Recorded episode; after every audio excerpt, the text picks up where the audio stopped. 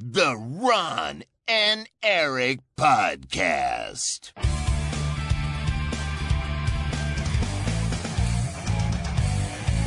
Double kill. Hallo en welkom bij de Ron en Erik podcast. De podcast van Ron en Erik over games. Dit is aflevering 418 en ik praat heel snel, want ik wil heel snel beginnen. Want het is super speciale aflevering, of weer super speciale aflevering.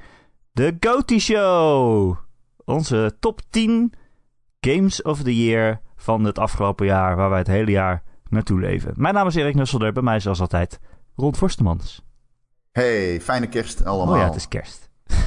Fijne kerst allemaal. Ja, fijne kerst allemaal. En ge, geniet van je oud en nieuw en hopelijk op een gezond en fijn 2023. Eh, ja, wij gaan de top 10's behandelen in de GOTY's. Altijd een moment waar we zonder overdrijven het hele jaar naar uitkijken. Dit is mijn favoriete periode in het jaar. En ik speel het hele jaar games, zodat ik er nu iets over kan gaan zeggen. Erik, Ja. voordat we dat gaan doen. Oh, één klein dingetje. Waar ik het even met jou over wil hebben. Ja. En dat is het gamejaar 2022. oké. We hadden misschien grote verwachtingen. Ik weet in jouw verwachtingen. Ik zei altijd 2023 wordt het jaar. Dat moet nog blijken. Jij zei 2022. Nou, Het, ik, ik- Ja, nee, er zit een nuanceverschil in.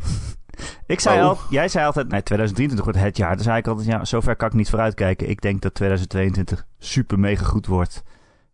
En of 23 beter werd, daar kon ik nog niet over nadenken. Maar alles is uitgesteld, Nee, dus ik heb, ik heb het mis. het eh, leek mij inderdaad wel dat er veel uitloop naar 2023 Ja. zou zijn. ik had het, Dat had ja, ik wel verwacht, ja. Maar, ja. En ik verwacht ook dat er veel uitloop van 2023 naar 2024 is, overigens. Omdat het eh, bijna een te druk jaar is voor sommige Ja. uitgevers om hun games zo onder te stouwen. Maar weet Je zult denk ik wel ook het zien dat het laatste kwartaal eh, vooral hele grote games heeft. En dat er wat mindere toch wel eens eh, vooruitgeschoven worden, denk ik. ja, en al die games waarvan we weten dat ze komen, die komen ongeveer allemaal in de eerste helft van het jaar ook. Dat vind ik ook zo Ja. raar. Dan denk ik, ja, dat komt dus eh, ja. hou iets over voor de tweede helft. Maar ja, dat zal er nog wel weer komen. We hebben gewoon veel games die op de plank liggen. En je ziet het, hè, games worden zo lang uitgesteld tegenwoordig. Sports Story is net uitgekomen. Die is gisteren uitgekomen. Een self-drop. Uit het niks komt die uit. We wisten wel dat die min of meer in december zou komen. Maar niemand hield er nog rekening mee, want hij had geen datum. Komt die opeens uit? Die game is al voor het eerst vertraagd in 2020. zo lang geleden. Toen hadden we net corona. Ja, Dus ja, ik wil maar zeggen, het is tegenwoordig allemaal. eh, je, je kunt bijna nergens meer van opkijken, dus doe dat ook vooral niet. Maar om nog even terug te keren op wat ik, eh, naar wat ik eigenlijk wilde vragen aan jou is. eh, 2022 als jaar. Ik moet zeggen dat ik nog nooit in de geschiedenis van de Ron en Erik podcast Goty Show zoveel moeite moest doen om een top 10 samen te Ja. stellen. Omdat ik echt vind dat er er is heel weinig keuze dit jaar. Er, eh, er zijn ehm, nou, minder keuze dan normaal. Normaal is mijn top 10 echt... Dat is echt het scherpst van de snede. Ik moet zoveel wegsnijden en dat is wekenlang pielen. En nu heb ik tot de laatste paar weken... had ik er echt gewoon acht staan. Hm. Oké, nou, ik heb die ervaring niet. Ik heb nog steeds al heel veel games er net onder staan waarvan ik denk, ah, eigenlijk wel zonde dat ik die er niet meer in kan zetten. Dat het niet meer past. Er zitten wel wel een paar pareltjes tussen waarvan ik denk, ah, die had ik ook wel een plekje gegund. Maar het past niet meer. Nee, het is toch... Ja, en voor wie het niet weet... Ja, het is Sonic. Die games? Sonic. nee. Oh, ik wilde zeggen, die gaan wij behandelen in op Patreon. Oh. Maar we hebben Goty Show, Ja, dus dat gaat niet. Oeh, kunnen we dat niet doen? Hè? Weer Goty Show die uitstellen? Ja? Nog een keer uitstellen? Ja? Doen we normaal wel op Patreon. Wat uitstellen? Nee, ja, zeker. Ja, dat wilde ik niet zeggen, maar dat klopt wel. Oké, dan doen we de nummer 11 tot en met 20 in de, in de Patreon. Let's go. Let's go. Mijn lijst staat op volgorde, dus eh, dat is mooi. Mijn ook. Ik ben er klaar voor. Eh, Oké, Oh, wat we vet. dat. Dat. vind ik echt cool. yes! Ja, ja, daarom moet je alleen op is Patreon worden. uitgesteld daar weer een maand later. Ja, laten we een weekje doen. Oké, ja, volgende week. Prima. We stellen er maar een week uit. De releaselijst van januari is toch niks, eh, zit niks in. Ehm, Oké, nee, ja, wat ik zeg. Kijk, het 2022, niet een bijstergoed gamejaar. Er zijn natuurlijk wat hoogtepuntjes tussen, dat weet iedereen. Maar als ik zo naar mijn lijst kijk, ik denk er staan meer indies op dan ooit. Meer kleinere games op dan ooit. En eigenlijk vind ik dat ook wel eh, leuk. Ik vind het alleen maar chill. Ik heb heel veel unieke games gespeeld. Die, eh, met verhalen en opzetten waarvan ik denk, als je mij een jaar geleden had verteld dat daar een game over was, dan had ik het niet geloofd. Dus eh, ik, ja, dit is wel. Er zitten echt heel veel unieke ervaringen tussen. Dat vind ik juist wel heel erg cool. Aan zo'n jaar. Ja, dat is zeker. En zeker. Ja. Zullen we beginnen? Durf je het aan? Ja, let's go. Eh, ik ben er helemaal klaar voor. Oké, we hebben natuurlijk ook de community gevraagd om te stemmen. Daar is ook een community top 10 uitgekomen. Ehm, die houden, die houden we jullie nog even in spanning. We wachten tot, eh, tot aan de top 3. Dan gaan we het, eh, ook jullie meningen onthullen. Er is heel veel op gestemd, Ron. Echt superveel gestemd. Een Ja, record aantal super stemmen. tof. Super tof. Echt heel leuk. Ja, het was ook een goed jaar voor de podcast als we dan toch bezig zijn. Ja, We, hebben, we zijn echt gegroeid op bijna alle platformen. Eh, meer luisteraars dan ooit. Zeker via Spotify komen steeds meer mensen binnen. Ehm, ja, super cool. Je weet waarvoor wij staan, Ron en Erik. Wij proberen, wij doen geen commerciële dingen. We hebben geen sponsoren. We laten ons niet sponsoren door gamebedrijven. Hè? Eh, het, de, de, wat is ook weer de slogan van Gamer.nl? Altijd een eigen mening. Nou, dat is wel een beetje wat we hier doen, denk ik. Ehm, ja. dus eh, hopelijk op nog een eh, paar prachtige jaren. En we hebben een podcast award gewonnen. Ja, oh ja, dat is waar ook. We zijn de beste GamePod en Tech podcast van Nederland. Dat is hoe dat ging. Ja. namelijk. Maar genomineerd worden is ook winnen, zeggen ze altijd. Dus, eh, Ja. Ik zeg altijd zo, zie het niet als verliezen, maar als niet winnen. Ja. Maar in dit geval zie ik het ook als winnen. Dus het is gewoon gewonnen. Door ons. Succes is een Ron en keuze. Erik. En ik kies Zeker. om gewonnen te hebben. Ja. Oké, de top 10. Eh, ja, met veel pijn en moeite samengesteld. Ik heb hem gisteren nog overhoop gehaald. Dus eh dat doe je, Ik, eh, vind ik zo stom. vijf dat doe je- minuten geleden. En terwijl Erik aan het uitleggen was hoe de Patreon werkt, heb ik ook nog nummer 9 en 10 veranderd. Dus, Het is zo stom, dat doe je het hele jaar over. Ik hou het hele jaar netjes bij een lijstje van... Oké, waar komt deze game nou ongeveer? Is die beter dan die of niet? En dan eh, aan het eind denk je... Nee, weet je wat? Ik gooi alles weer om. Ja, zo gaat dat. ja, Goed. ik heb eh 54 games gespeeld in Oh, even op mijn lijst 2022. kijken. Die dit jaar zijn uitgekomen, bedoel je? Mhm. 49 zit ik op. Dat heb ik toch weer verloren. Ja. Nou, maar niet met veel. Nee, maar ik heb ook nog games als The Witcher 3 voor het eerst uitgespeeld. Oh ja, dat tel ik allemaal niet. Ik heb de Death Stranding uitgespeeld. Ja. Ja, The Witcher 3 was wel een goede 150 uur. ja, dat snap ik, ja. Zou die op één komen? Eh, nee, maar die komt wel in de top 3, denk ik, ja. Nou, oké, laten we het eh, niet langer in spanning houden. Wie moet er beginnen? die je na Wie moet er nummer beginnen? 2 komt. Wie moet er beginnen, Ron? Zal ik beginnen? Oké. Nummer 10, 10, 10, 10, 10, 10. Oké. Op nummer 10. Immortality. Oeh. Ja. Immortality eh, als afsluiter. Immortality is denk ik de meest bijzondere game van het jaar. Ehm, het is echt zo'n game waar je aan denkt als je niet aan het gamen bent. Ehm, omdat er zoveel raars is gebeurd terwijl je aan het spelen was en er nog zoveel te ontdekken lijkt. Ehm, ja, voor wie het niet weet, Immortality gaat, eh, is van Sam Barlow, de maker van Her Story. eh, en van Telling Lies. Die vond ik niet zo goed. Deze vind ik wel erg goed. Ik vind deze beter dan Her Story ook. Eh, het gaat over een actrice, die heet Marissa Marcel. Geweldige actrice, gespeeld door Manon Gage. En ehm, net niet gewonnen bij de Game Awards. Ga ik dan maar vanuit, want ze pakte hem niet. Christopher Judge, aka Kratos wel. Anyway, zij speelt in drie films. En ehm één van die films speelt zich af in de jaren 60. één in begin jaren 70 en één begin jaren 90. En die films zijn nooit uitgekomen. En waarom is dat relevant? De grote vraag is eigenlijk in Immortality: wat is er gebeurd met Marissa Marcel, de actrice? Nou, hoe kom je erachter? Die drie films die zijn zeg maar opgedoken. En jij bent een soort editor. En jij gaat door die clips van die films heen.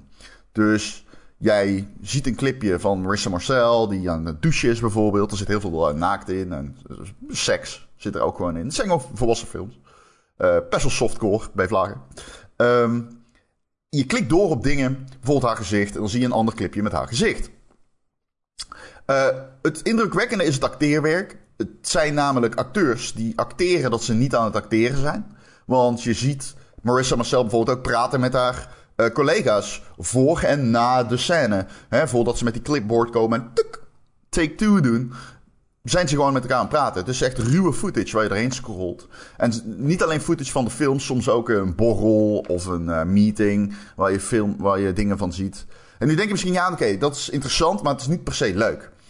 Nee, het leuke aan Immortality is, zou ik zeggen, het ontdekken van wat er nou echt gebeurd is. Want er zit namelijk een laag, een mysterieuze, bijna bovennatuurlijke laag in de gameplay verwo verwo verwoven.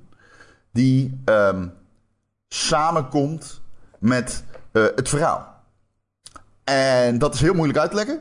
Ik ga dat niet uitleggen, want daarmee zou ik het spoilen. En je wilt en je moet dat zelf ontdekken. Het eerste moment dat je het ontdekt en zo, dat is best wel een eng moment. Het is bijna vierde wal, uh, fourth wall uh, doorbrekend. Zeg maar die vierde muur die je bij theater hebt. Die wordt niet echt, het is niet altijd zo dat, ze, dat er tegen jou gepraat wordt. Maar het is wel zo, er komt opeens een laag bij die ogenschijnlijk niet erbij hoort of zo. Ik houd het bewust heel erg vaag. Ga Immortality spelen. Ontdek zelf, zonder te googlen, um, wat, wat, er aan de hand is in die game. En um, ga gewoon lekker klikken. Ga gewoon lekker klikken. Klik door alle footage heen. En het komt tot je. En dat is een heel tof moment wat ik uh, niemand wil onthouden. Vandaar dat ik uh, Immortality wilde noemen in mijn top 10. Heel goed. uh, altijd raar als ik weet dat hij nog een keer terugkomt, maar... Ja, jij gaat hem vast ik, noemen. Ik kan altijd nog zeggen, ja Ron, inderdaad, ik vond het ook een heel goed spel. Ja, dan moet ik het straks nog een keer vertellen. goed, we gaan gewoon over naar mijn nummer 10. Oh, ik dacht jij doet dan de sound effect. Oh, nummer 10, 10. Mijn nummer 10, ja, wat ik net zei. Uh, het jaar zat vol met unieke games, unieke ervaringen. En uh, ik heb lang gedacht, welke moet ik nou op 10 zetten? Ik heb uiteindelijk gekozen voor Norco. Nou, dat is mijn nummer 9. Nou. dat komt goed uit. Sluiten we mooi op elkaar aan. Um, ik wilde die ook graag in het zonnetje zetten, omdat het zo'n bijzondere game is. Het is een point-and-click adventure. Het is een heel erg verhalend spel. Uh, maar wat het zo uniek maakt, is dat het. Je voelt zo de echte beleving van de ontwikkelaar en van de schrijver er doorheen. Want Norco, we hebben het al eerder verteld, uh, dat is een echt bestaand plekje in het zuiden van Amerika. Uh, daar staat een, uh, een raffinaderij van Shell. Die is in het echte leven twee keer ontploft. dat heeft zo zijn invloed op de mensen die er wonen. Maar ja, tegelijkertijd, hè, ik bedoel, het is ook alweer goed voor de economie. Heel veel mensen werken daar. En er komen allemaal mensen langs. En die gaan dan in de winkeltjes shoppen en zo. Dus ja, een beetje een. Een, een, vreemde relatie die je dan hebt met zo'n enorme fabriek in je huis. Of in je dorp, in je achtertuin kan je wel zeggen. Uh, en Norco die, die pakt die ervaring van die ontwikkelaar die daar is opgegroeid. En die maakt er een heel bijzonder uh, spel van. Het speelt zich af in de toekomst. Uh, er komen ook nog allerlei hele relevante onderwerpen voorbij. Van ja, robots die banen overnemen. er is bijvoorbeeld een, een winkeltje bij een tankstation. Uh, daar werkt niemand meer. Gewoon uh, de kassa, dat, dat, uh, die wordt gerund door een, door een kunstmatige intelligentie. Als je daar afrekent, dan moet je bij de AI zijn. En dan degene die daar vroeger werkte, die zit een beetje werkloos op de stoep. zich te vervelen en ja, boos te zijn op de wereld en op, op de technologische vooruitgang die hem zijn baan heeft gekost. Dat soort dingen zijn mooi weergegeven. En het is ook nog eens, ja, dat laagje magisch realisme dat erop zit. Dat je denkt, ja dit voelt heel echt. Dit is iemands echte ervaring die dit geschreven heeft. Maar er zit ook heel veel shit tussen dat helemaal niet kan. Allemaal gekke monsters en vreemde dingen in het moeras. Uh, ja, en er zitten zoveel leuk geschreven zijverhaaltjes in. Uh, dus bijvoorbeeld een hele geschrifte cult, een, een secte. Uh, die woont in het winkelcentrum en die willen een, een, raket bouwen zelf. Die dan naar de maan schiet of zo. ik ben alweer een beetje vergeten wat het plan ook weer was. Maar in ieder geval was het uit wanhoop proberen weg te komen. En dat voel je heel erg in die game. Het is zo. Ja. Een beetje duister, een beetje groezelig allemaal. Ook als je die graphics ziet, die pixel graphics. Het is allemaal een beetje. Ja, in dat moerassige dorp. Zo'n mooi spel. Allemaal, al, allemaal, een beetje smerig, maar toch ook wel weer mooi. Wat, wat, wat voor hoop mensen er dan weer uitputten. Ja. Het is, uh, het is een prachtig spel. Ja, bij mij staat hij op 9. Uh, het is inderdaad een heel mooi spel. Uh, prachtige stijl. Het is inderdaad een beetje groezelig en je, je, het voelt vies. Het druipt. Een beetje zoals zo'n olieleiding van Shell. Um, ja. Nee, ja, het was een goed jaar voor boekengames. Um, Ik, eh, we hadden hier naast Norco ook nog Citizen Sleeper. Ik heb heel lang...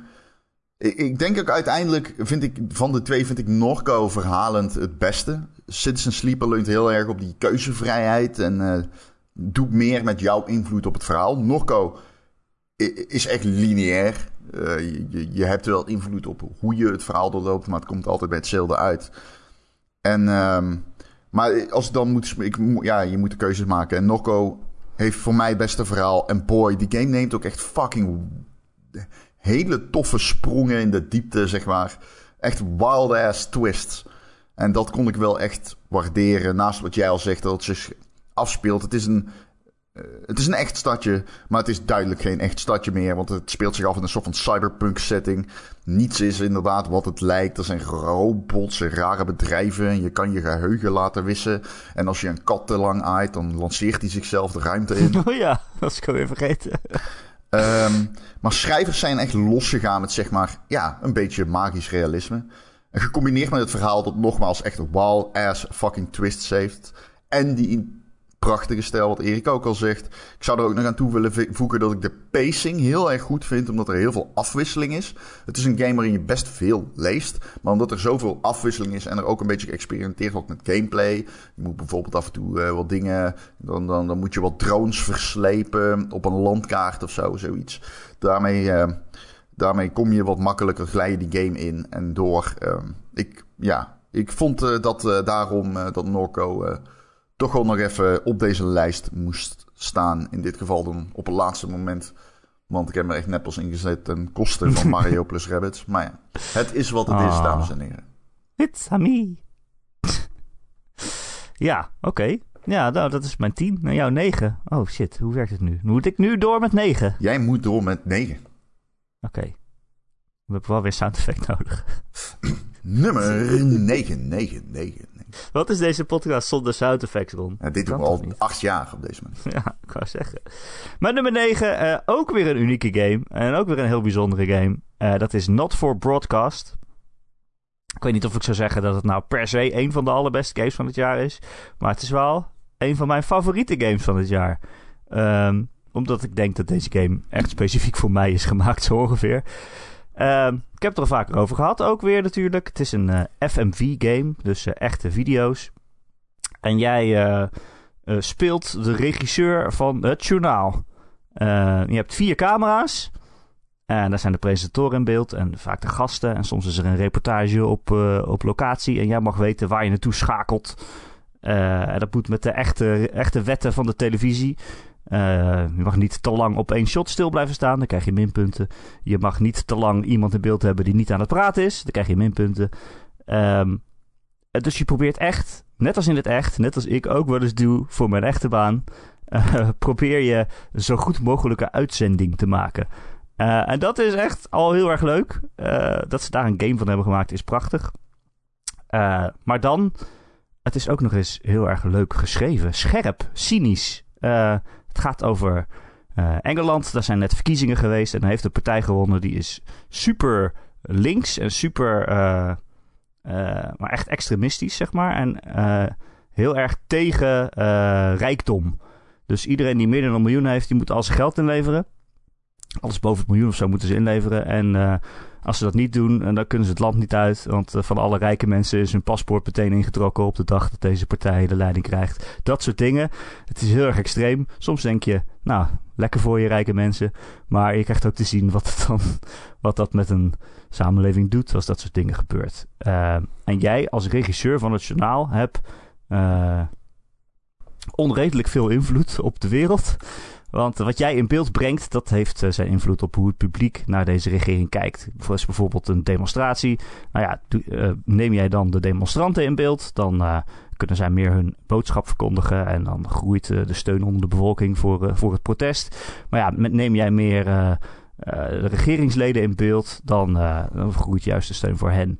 Ja, dat is een hele simpele keuze. Maar ja, die game die gaat echt best wel lang zo door. Er zijn echt hele uitzendingen die duren 20, 30 minuten. Eh, alles is opgenomen op FMV en alles is natuurlijk ook zonder knipjes erin. Want je hebt vier camera's tegelijk die allemaal hetzelfde filmen. En dat is allemaal zo knap gemaakt. Ehm, ja, soms zit je in een heel interview van 10 minuten. Zit je gewoon een beetje te kijken en tussen camera's te schakelen. Dat is al leuk. En er zitten ook hele domme, absurde grapjes in. Bijvoorbeeld, uh, dan schakelt het journaal naar een sportwedstrijd. Dat is de meest absurdistische sport die je ooit hebt gezien. Er staan twee mensen tegenover elkaar met balletjes in, proberen in een prullenbak te gooien. En nee, het zijn, het zijn denkbeeldige balletjes, geloof ik, die ze gooien. Dat je denkt, het slaat nergens op, maar je moet het wel goed in beeld brengen. En komt er ineens een streaker voorbij, die mag, die mag dan niet in beeld, want het moet gecensureerd worden. Nou, dat soort dingen, er zit heel veel in.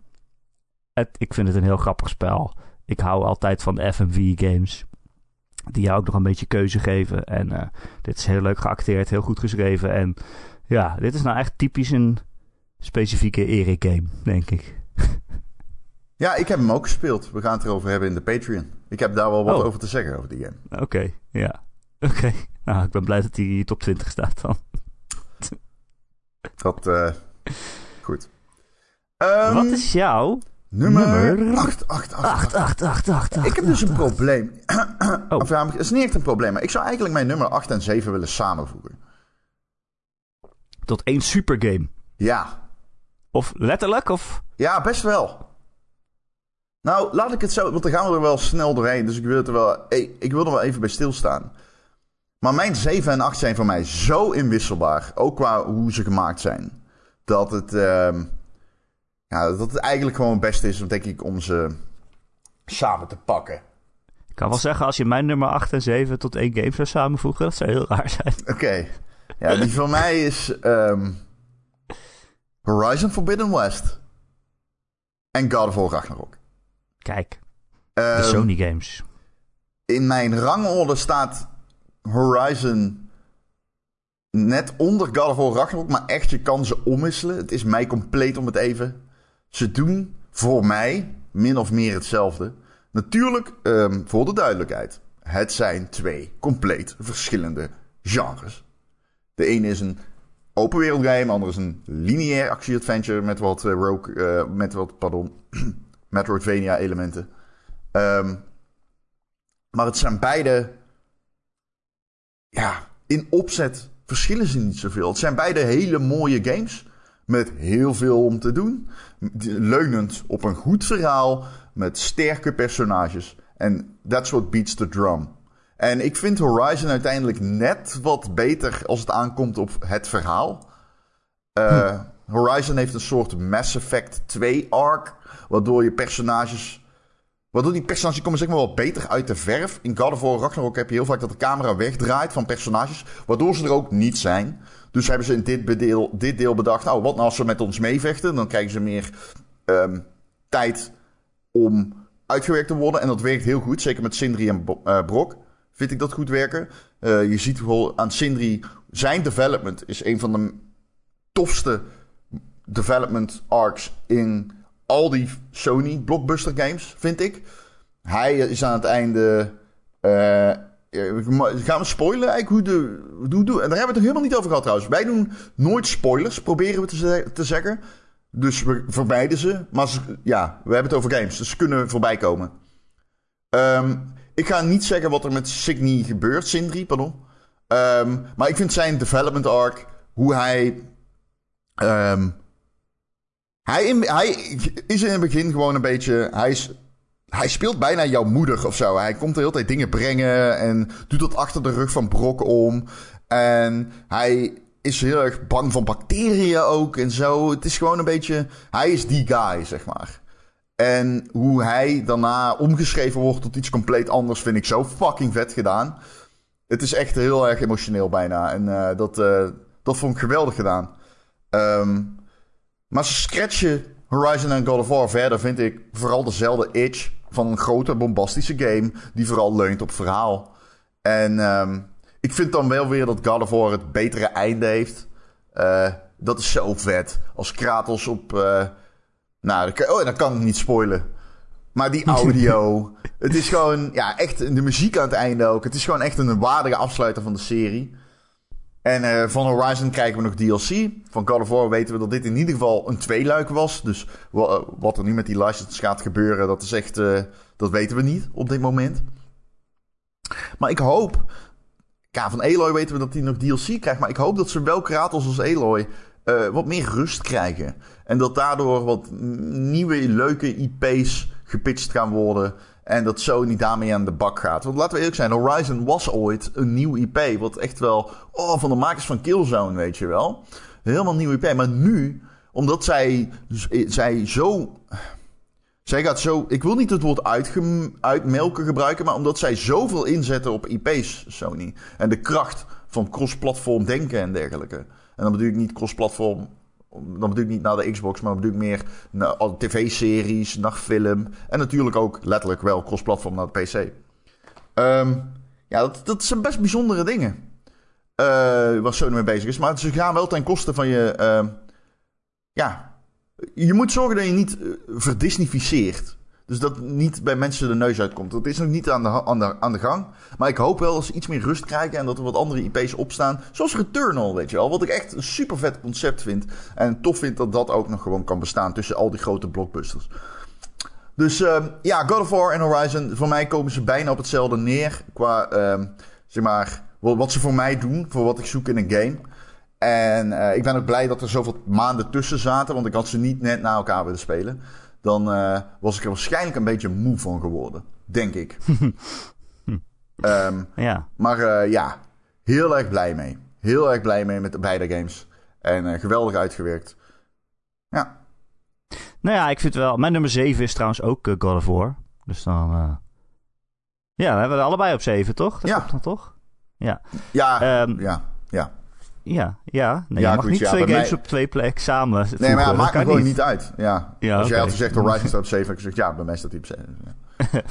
nee, God of War staat bij mij ook op 7. Ja, wat jij zegt voel ik ook wel van, uh, laat ze met je rusten. Maar ik denk ook, ja, ze hebben met God of War 2018 natuurlijk een bestaande IP gepakt en er zoiets anders van gemaakt. Ik ben ook zo blij dat die game bestaat en dat deze game ook weer bestaat. Dat ik denk, ja, als je zo met je IP omgaat, dat je het telkens weer opnieuw uitvindt, dan vind ik het ook niet erg of zo. Op een gegeven moment denk je wel, ja, Kratos heeft alle goden vermoord. En uh, ja, ik zie deze Kratos, die nu aan het eind van deze game staat, uh, zoals hij in het verhaal is neergezet. Uh, hoe zou ik het zeggen? Nou, ik zie hier, ik zie hier, kijk, heel veel mensen die zeggen al heel lang, oh, nu moet hij naar Egypte, moet hij daar alle goden vermoorden. Ik zie dat gewoon niet zo gebeuren, zeg maar. Of ik voel dat niet.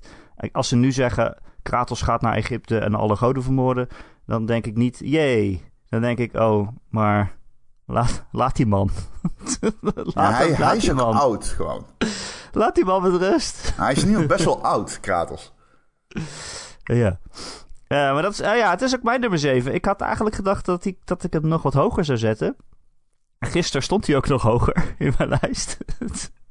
maar er zijn twee games uh, voorbij getenderd de afgelopen week, kan ik wel zeggen. Uh, maar dat hoor je straks. Maar jeetje, ja, God of War Ragnarok, wat een geweldig spel. Ik uh, had er eigenlijk niet meer van kunnen hopen. Ik had er wel minder van kunnen hopen, maar ik had er niet meer van kunnen hopen. Um, als er iets is mis is met die game, is dat er eigenlijk minder in had moeten zitten. Wat minder puzzels, wat minder uh, je handje vasthouden, wat minder precies de weg wijzen waar je allemaal naartoe moet. Maar zo erg is het nou uiteindelijk ook weer niet als je ziet wat die game allemaal wel goed doet. Hoe, hoe mooi het is, hoe goed het geschreven is potverdorie, al die personages in dit spel. Ik vind dat wel knap hoor, voor een game van dit budget en van zo groot en waar je met zoveel mensen aan werkt, dat dan de menselijkheid, of ja, de goddelijkheid van deze personages er, er wel doorheen komt. Um, en niet alleen in de acteerprestaties, maar ook gewoon in kleine, kleine dingetjes die ze zeggen, kleine scriptmomentjes.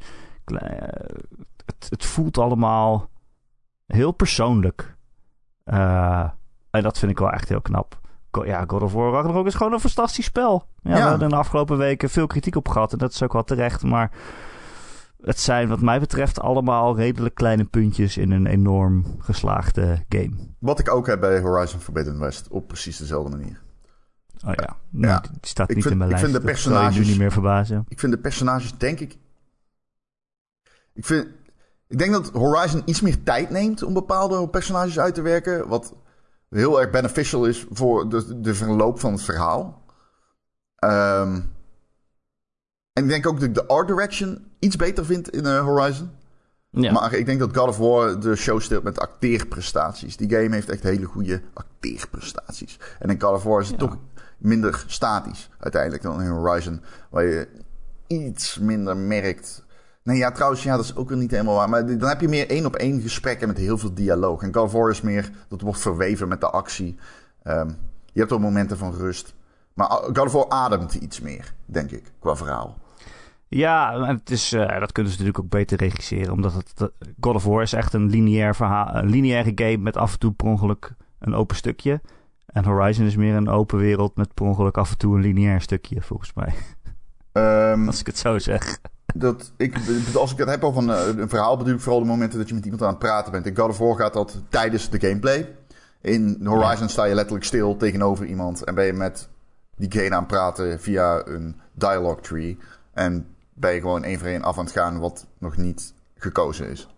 En dat is zeg maar wel een meer statische benadering van verhaalvertelling. Die, ehm, Ja. God of War doet dat beter ook gewoon omdat het meer ademt, zeg maar. Het weet precies hoe ze dat moet doseren. En ik heb in Horizon het gevoel dat soms die lore dumps had wel iets minder gemogen. Oh ja. En God of War blijf ik nog steeds knap vinden. Dat, dat camera-standpunt dat nooit wegknipt. Dat, dat werkt voor mij ook echt heel erg goed om in het verhaal te blijven. En eh, er heel dichtbij te komen. En echt het gevoel hebben dat je met, met ze op reis bent. Ja, ik vind dus alleen wel dat dat ten koste gaat van sommige personages in die game. Eh, ja. Omdat je ze niet Ja, ziet, krijgen ze geen screentime. Terwijl ze wel grote rollen oprij- opeisen in het verhaal. En een goed voorbeeld daarvan is Tier. En ik kan niet uitleggen waarom. Maar Tier wordt heel belangrijk gemaakt. Maar hij heeft bijna geen dialoog. Hij heeft wel dialoog en hij zegt wel belangrijke dingen. Maar als je dat afweegt tegen de hoeveelheid tijd dat je met Tier op reis bent in die game, is dat heel erg weinig. Ja. En er is een wending Nou, met Tier, ja, en die voelde vond ik niet verdiend. fantastisch. vond ik. Oh, ik vond hem echt fantastisch. ik vond het echt geweldig. Nee, dat vond ik een beetje. Ja. Het voelde niet verdiend. Hij earnde niet die rol. Hmm, Oké, ja. Ja, we kunnen het er niet over hebben. Nee, we kunnen het er niet over hebben. spoiler. Maar ook, ja, en in God of War heb ik ook echt wel meerdere keren met tranen in mijn ogen gezeten. En dat heb ik bij Horizon echt totaal niet. En God of War, dat, is- dat raakt me wel af en toe, ja. Dat Die wel, loyalty eh, missies in eh, Horizon vond ik wel echt fucking emotioneel af en toe. Ja. Ja? Ja. Ja, ja. Ja. Maar ja, in God of War ook. Zeker. Die, ook eh, van die missies die, die voor game- bepaalde... die game is beter zijn. geacteerd, vind ik. Dus dan heb je sowieso meer band met die personages misschien. Ik, ik- maar ik kan dat niet helemaal zeggen, omdat ik in Horizon ook sommige personages heel erg goed geschreven vind. Oké, God of War. Heel goed spel. Eh, fantastisch spel. Ja. Mijn nummer 8 moet ik nog even tussendoor proppen nu dan. Ja. Beetje zonde van die game, want hij is echt geweldig. Ja, we hebben nou ook Maar veel jij- langer over God of War gehad dan over denk- Horizon, maar ja. Ja, die staat er bij mij niet in, dus dat is eerlijk. Ja, oké, maar... Ja. Wil je nog iets over Horizon zeggen? Nee, nee, nee. Mag Nee, nee, nee, nee, nee, nee. Ik denk dat het goed is. Het is goed. Mijn nummer 8 is eh, Neon White. De beste Sonic game van het jaar. Eh, een geweldig spel. Eh, we hebben het er heel vaak over gehad in deze podcast. Het is die speedrun game. Waarin je een soort van... eh, in het hiernamaals komt. En dan eh, moet je eh, allerlei leveltjes eh, doorkruisen. Zo snel mogelijk. En eh, dan speel je een level. Daar doe je een minuut over. Dan denk je... Oh, nu weet ik hoe je bij het einde komt. Ik ga het nog een keer proberen. Dan wordt het 50 seconden. Dan denk je... Wacht even, volgens mij kan ik hier nog sneller zijn. Heb je een, een korter. Doe je het nog een keer, dat is 40 seconden. Doe je het nog een keer, nog een keer, nog een keer. En uiteindelijk brengt het helemaal terug tot 10 seconden, 8 seconden. Dan gaat het op de honderdste, op de duizendste. Want je wil Ron Forsterbans op de leaderboards verslaan. Niemand. probeer het opnieuw en opnieuw en opnieuw en opnieuw. En het- dit spel speelt gewoon fantastisch. Het enige wat zo'n speedrun game nodig heeft... is A, go- goed ontworpen levels. Dat heeft deze wel. Zeker de, de, de eerste helft, zeg maar. Ehm, en extreem strakke besturing. Zodat het altijd je eigen schuld is als, het, als je niet snel genoeg bent. En dat heeft deze game ook. De besturing is zo ontzettend strak. Het gaat zo snel en eh, ja, je moet elk level eh, alle vijanden doodmaken en bij het einde komen. En dan heb je dan eh, wapens voor, die vind je ook in het level. Er hangt dan zo'n kaartje, dat is dan bijvoorbeeld een pistool. Dan kan je schieten, maar je kan hem ook weggooien en dan is het een double jump. Dus als je echt, echt speedruns wil maken, dan ben je aan het rennen, pak je de pistool, je springt, je schiet een paar keer onder je, waar je al over de vijand heen aan het vliegen bent. En dan, die moeten allemaal raak zijn. Eigenlijk moet je blindelings kunnen schieten op hem bijna. En dan gooi je snel de pistool weg, heb je een double jump, kan je verder rennen. En dat gaat zo ontzettend snel en soepel. Wat een fantastisch spel. Er waren een paar weken in 2022 waar ik totaal geobsedeerd was door deze game. En uh, redelijk wat mensen in de Discord ook. Die tegen elkaar zaten te racen en te racen en te racen. Um, maar ja, dat is ook de reden dat hij al op nummer 8 staat. Na een paar weken was ik er ook wel weer klaar mee. Dat heb ik heel vaak met dit soort games. Het grijpt me enorm en dan leg ik alles opzij en ben ik alleen maar dit aan het spelen. En dan na een tijdje is het weer klaar. Maar man, wat een geweldige tijd was het. Neon White uh, op nummer 8. Mooi. stil. Ik denk dat hij straks nog... Uh, nummer. Nou moeten we naar 6. Dus. We gaan naar nummer 6, 6, 6, 6, 6, 6. Rogue Legacy 2. Oeh. Ja. Het, uh, Rogue Legacy 2 is een game in het kader van uh, Spelunky 2 of uh, Binding of Isaac. Um, een game die het uh, Rogue-genre op de kaart zette met Rogue Legacy 1. En ik denk dat Rogue Legacy 2 um, van die genoemde games gewoon wint op basis van kwaliteit. Zo simpel kan het zijn echt ieder personage in die game speelt zo anders. En het is zo leuk om met die min- en pluspunten van ieder personage te leren omgaan. Wat echt gebeurt. Ik heb uh, tientallen, tientallen uren gespeeld uh, en doorgebracht met de personages in deze game. En ik denk dat ik onderaan de streep meerdere favorieten heb die ik in het begin haatte. Um, en dit is een game die ik iedereen aanraad die ook maar ooit enigszins is gebeten doordat dat, dat, ja, dat roguelike, die roguelike bug of dat roguelike beestje, die Metroidvania beestje met, met zijn... Ik, ik, ik heb er echt extreem van genoten. Het heeft alles die die genres goed maakt, vind ik. Het heeft die superleuke upgrade systemen. Het heeft de, de, momenten dat je ontdekt van... wow, ik ben echt beter aan het worden. En ik kom steeds verder.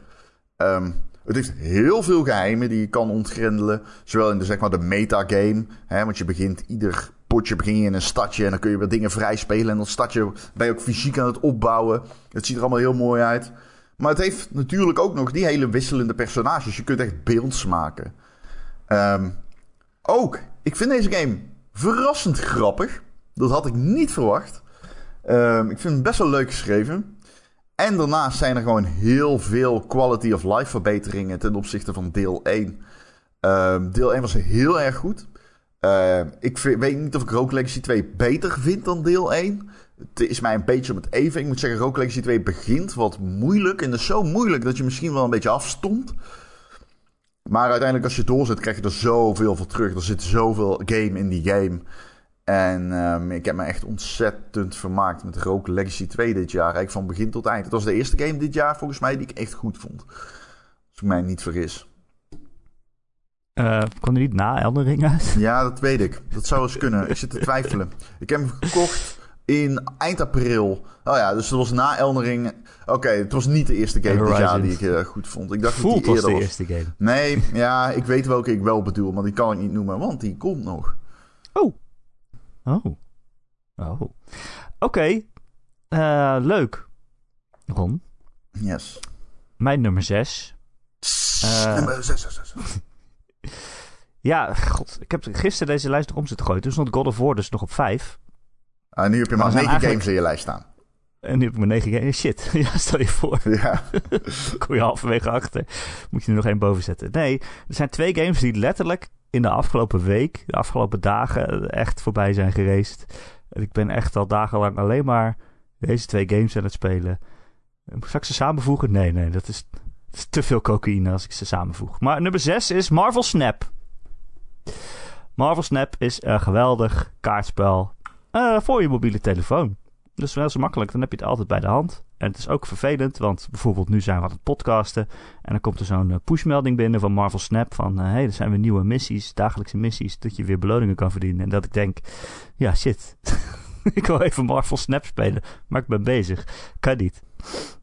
Goed, uh, het is Marvel. Dat zijn allemaal superhelden. Het is niet de MCU, maar het zijn stripboeken. Allemaal tekeningen zie je dan van alle, alle Marvel-helden die je kent uit de films. Maar ook Marvel-helden waar je misschien nog nooit van gehoord hebt. Zoals Squir Squirrel Girl. Squirrel Girl? meisje. Squirrel Girl.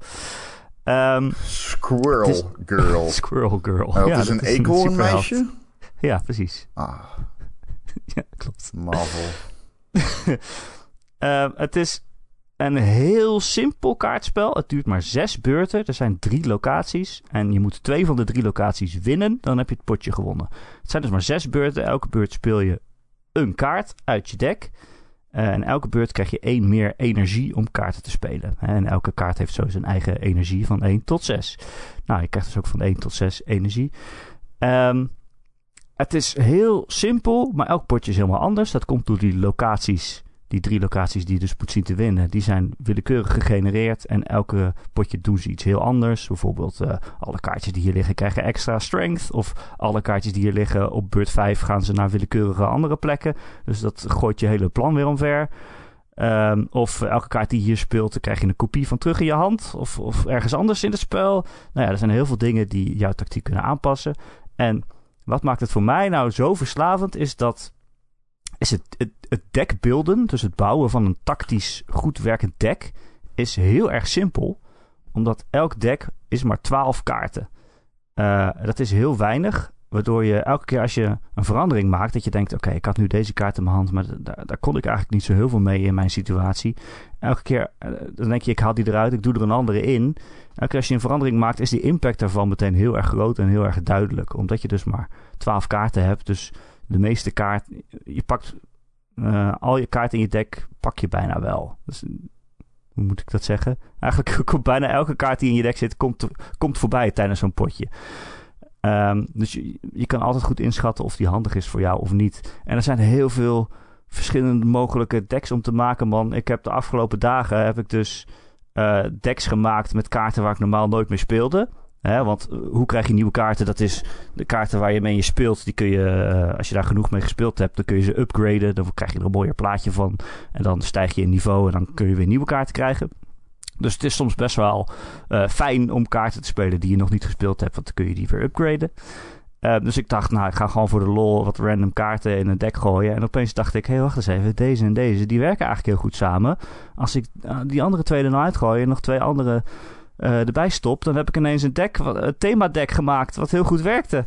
Uh, dus ik heb nu zes decks ineens, die allemaal andere dingen doen. Die al, mijn kaarten bewegen. En dan heb je bijvoorbeeld, nou, als een kaart beweegt, krijgt die extra kracht. En als je een kaart beweegt, mag je weer een nieuwe kaart pakken. En het werkt allemaal zo mooi in harmonie samen.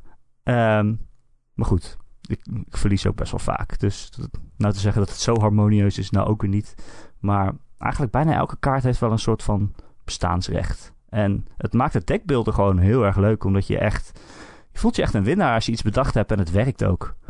Uh, nou, damn, wat een verslavend spel. Ik, uh, afgelopen, zeker de afgelopen week ben ik het meer gaan spelen. Ik kan er niet meer mee ophouden. Dus daarom staat hij nu op nummer 6. Wat goed zeg. Ik ja, ik begreep ongeveer zeven woorden van de afgelopen vijf minuten. Het is een leuk kaartspel.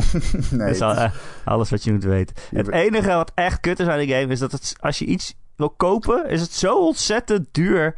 Ze hebben echt packs van dat er maar twee of drie kaartjes en dat is dan 30 euro of zo. Oh, maar dat is best wel ook, een groot. Ja. En elke maand is er een, een, een, een Battle Pass of zo. Elke maand is er een nieuw seizoen en dat kost ook 11 euro. Dat ik denk, ja. Weet je, ik zou ze best elke maand 5 euro of zo willen geven, maar dat, dat, dat kan niet eens. Alles is enorm duur. Maar goed, ook als je het gratis speelt zonder geld uit te geven, heb je er heel veel plezier aan. Het is niet per se dat je dan heel veel slechter bent dan de rest of zo. Oké. Okay. Goed. Wat is jouw nummer? Nummer 5. 5, 5, 5, 5, 5. Olly Olly World. Oh, echt waar? Mm -hmm. Krijg nou wat. Um, en de, de ontwikkelaar van deze game heeft het altijd over flow state. Roll 7 is dat. Altijd over flow state. Hè? Rijg die shit aan elkaar. En dat is iets wat deze game zo fucking goed doet, man. Je kunt niet stoppen met spelen als je dit aan het spelen bent. Omdat het gevoel van, oké, je begint... Het is een skateboard game, alleen je ziet het van de zijkant. Ehm, en het is heel erg snel. Het is heel erg snel.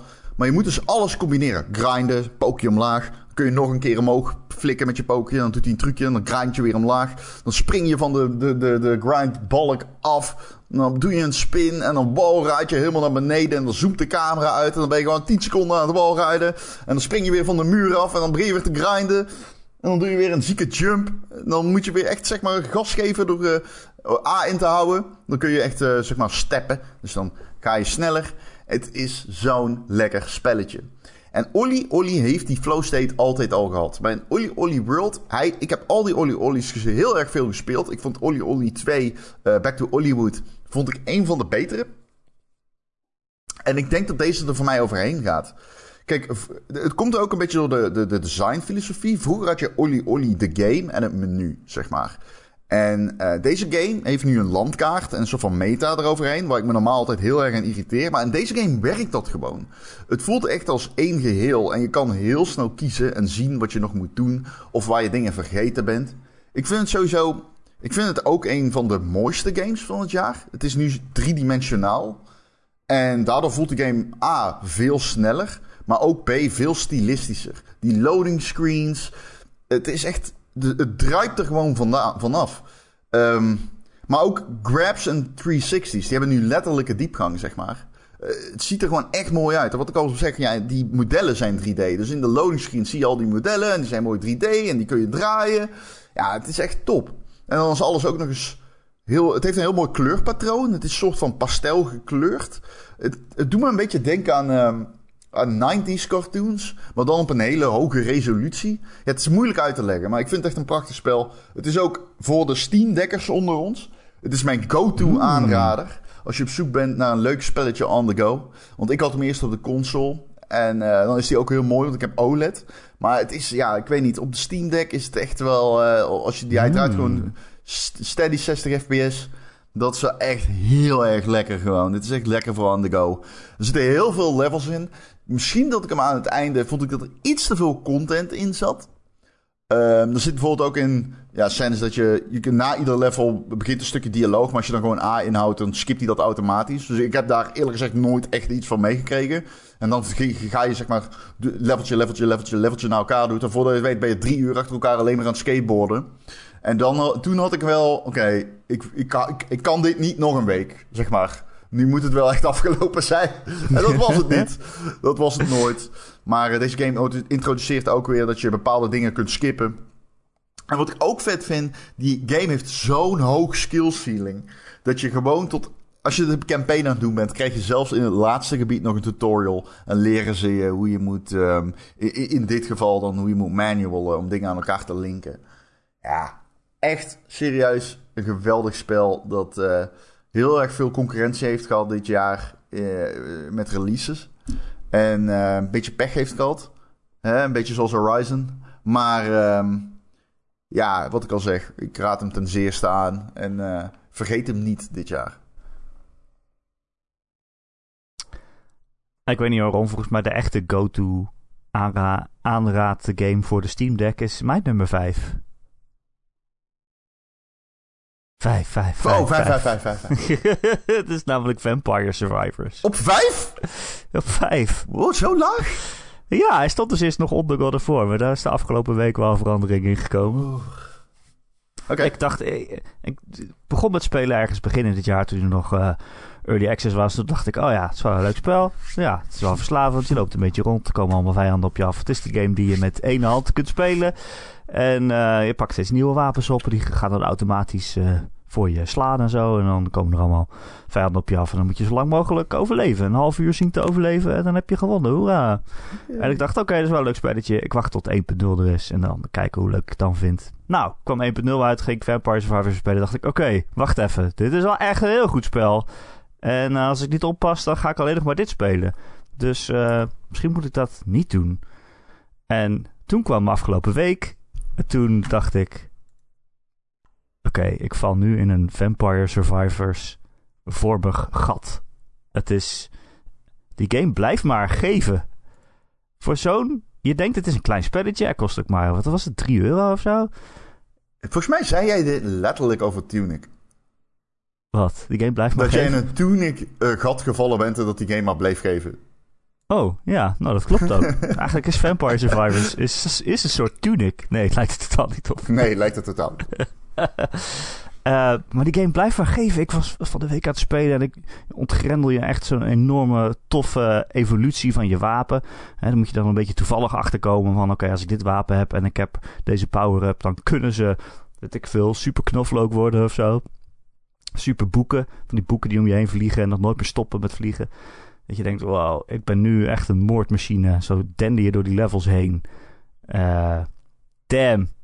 Damn, deze game, als er een game is die je laat voelen alsof je een moordmachine bent, dan is het niet God of War, waarbij je allemaal ledematen van eh, mensen aftrekt. Maar dan is het Vampire Survivors, waarin je gewoon een pixelpoppetje bent dat door een scherm heen loopt met vliegende boeken en, en knoflook om hem heen. En er komen bijlen uit hem en zwaarden en, en, en een zweep en, eh, en, en bliksemstralen en weet ik veel wat. Het is, het is zo absurd.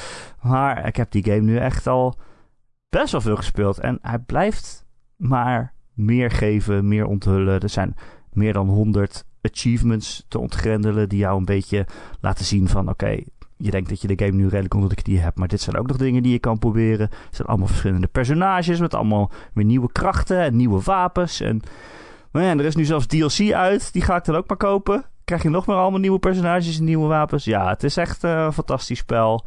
Het is wel eentje die met een waarschuwing zou moeten komen van eh, als je te veel speelt, dan, eh, dan wil je niks anders meer. Dat is wel lastig. Dus dit zijn ook de afgelopen week dat ik Marvel Snap en Vampire Survivors door elkaar speel, is wel echt. Damn, ik kom echt nergens meer aan toe. het is echt heel erg kloten. Maar oh, zo erg is nou ook niet, want het zijn fantastische games. Ja, het is mijn nummer 5, Ron. Nou, Als je zo top. verbaasd reageert, dan kom Oeh, ik, eh, ja. ga ik er maar vanuit. Ik dacht, ja, ik dacht dat jij die heel erg eh, hoog had staan, maar... eh, nee. Ja, ik heb hem ook heel erg hoog nee, ja, staan. nog maar hij hoger. beukt- Ik dacht eh, misschien top 3, maar dat weet ik niet. Beukt, eh, hij beukt tegen de grenzen aan van games die ik nog beter vind. Maar Ja. eh, ik weet niet. Misschien als deze week nog langer duurt, dat hij dan het nog een paar voorbij schiet. Het is wel zo'n game. Het is wel Ja, zo'n het is game. wel zo'n game. Die alleen maar het is hoog komt. game. Ja, ja. Ja, nou, dat, dat heeft hij, hij heeft al twee plekjes gewonnen. Nou, laten we het erover hebben. We gaan, eh, nu de we gaan nu naar nummer 4, dames en heren. Ehm, daarna gaan vieren. wij een gedeelte behandelen van de community top 10. Ja? Maar eerst, doen wij nog eerst onze nummer 4. Erik? Nummer 4, 4, 4, 4. Pentiment. Oh. Ja. Oh. Ehm,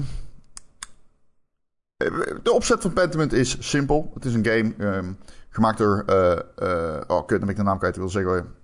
Kut, kut, kut, Sawyer. Nee, ja, Jo- Josh Sawyer is de, eh, de regisseur. Obsidian Entertainment, dankjewel. Pentiment wordt gemaakt door Obsidian Entertainment, vooral bekend van RPG-titels. En deze game is toch wel iets anders. Het voelt als een soort van klein projectje, maar het heeft wel echt het elan van de grote game. Nou, wa- wat draait het om? In Pentiment wordt iemand vermoord en het is aan jou om uit te zoeken wie het heeft gedaan. Maar wat ik het allerbeste vind aan Pentiment is Jij bent geen detective, maar jij bent gewoon een guy die opeens zichzelf in een situatie bevindt. Ja. Waarin hij gewoon allemaal dingen uit moet gaan zoeken. hij heeft hier niet om gevraagd. Maar hij bevindt zich opeens in die situatie en hij moet allemaal dingen gaan uitzoeken. En opeens zit hij in een who done it.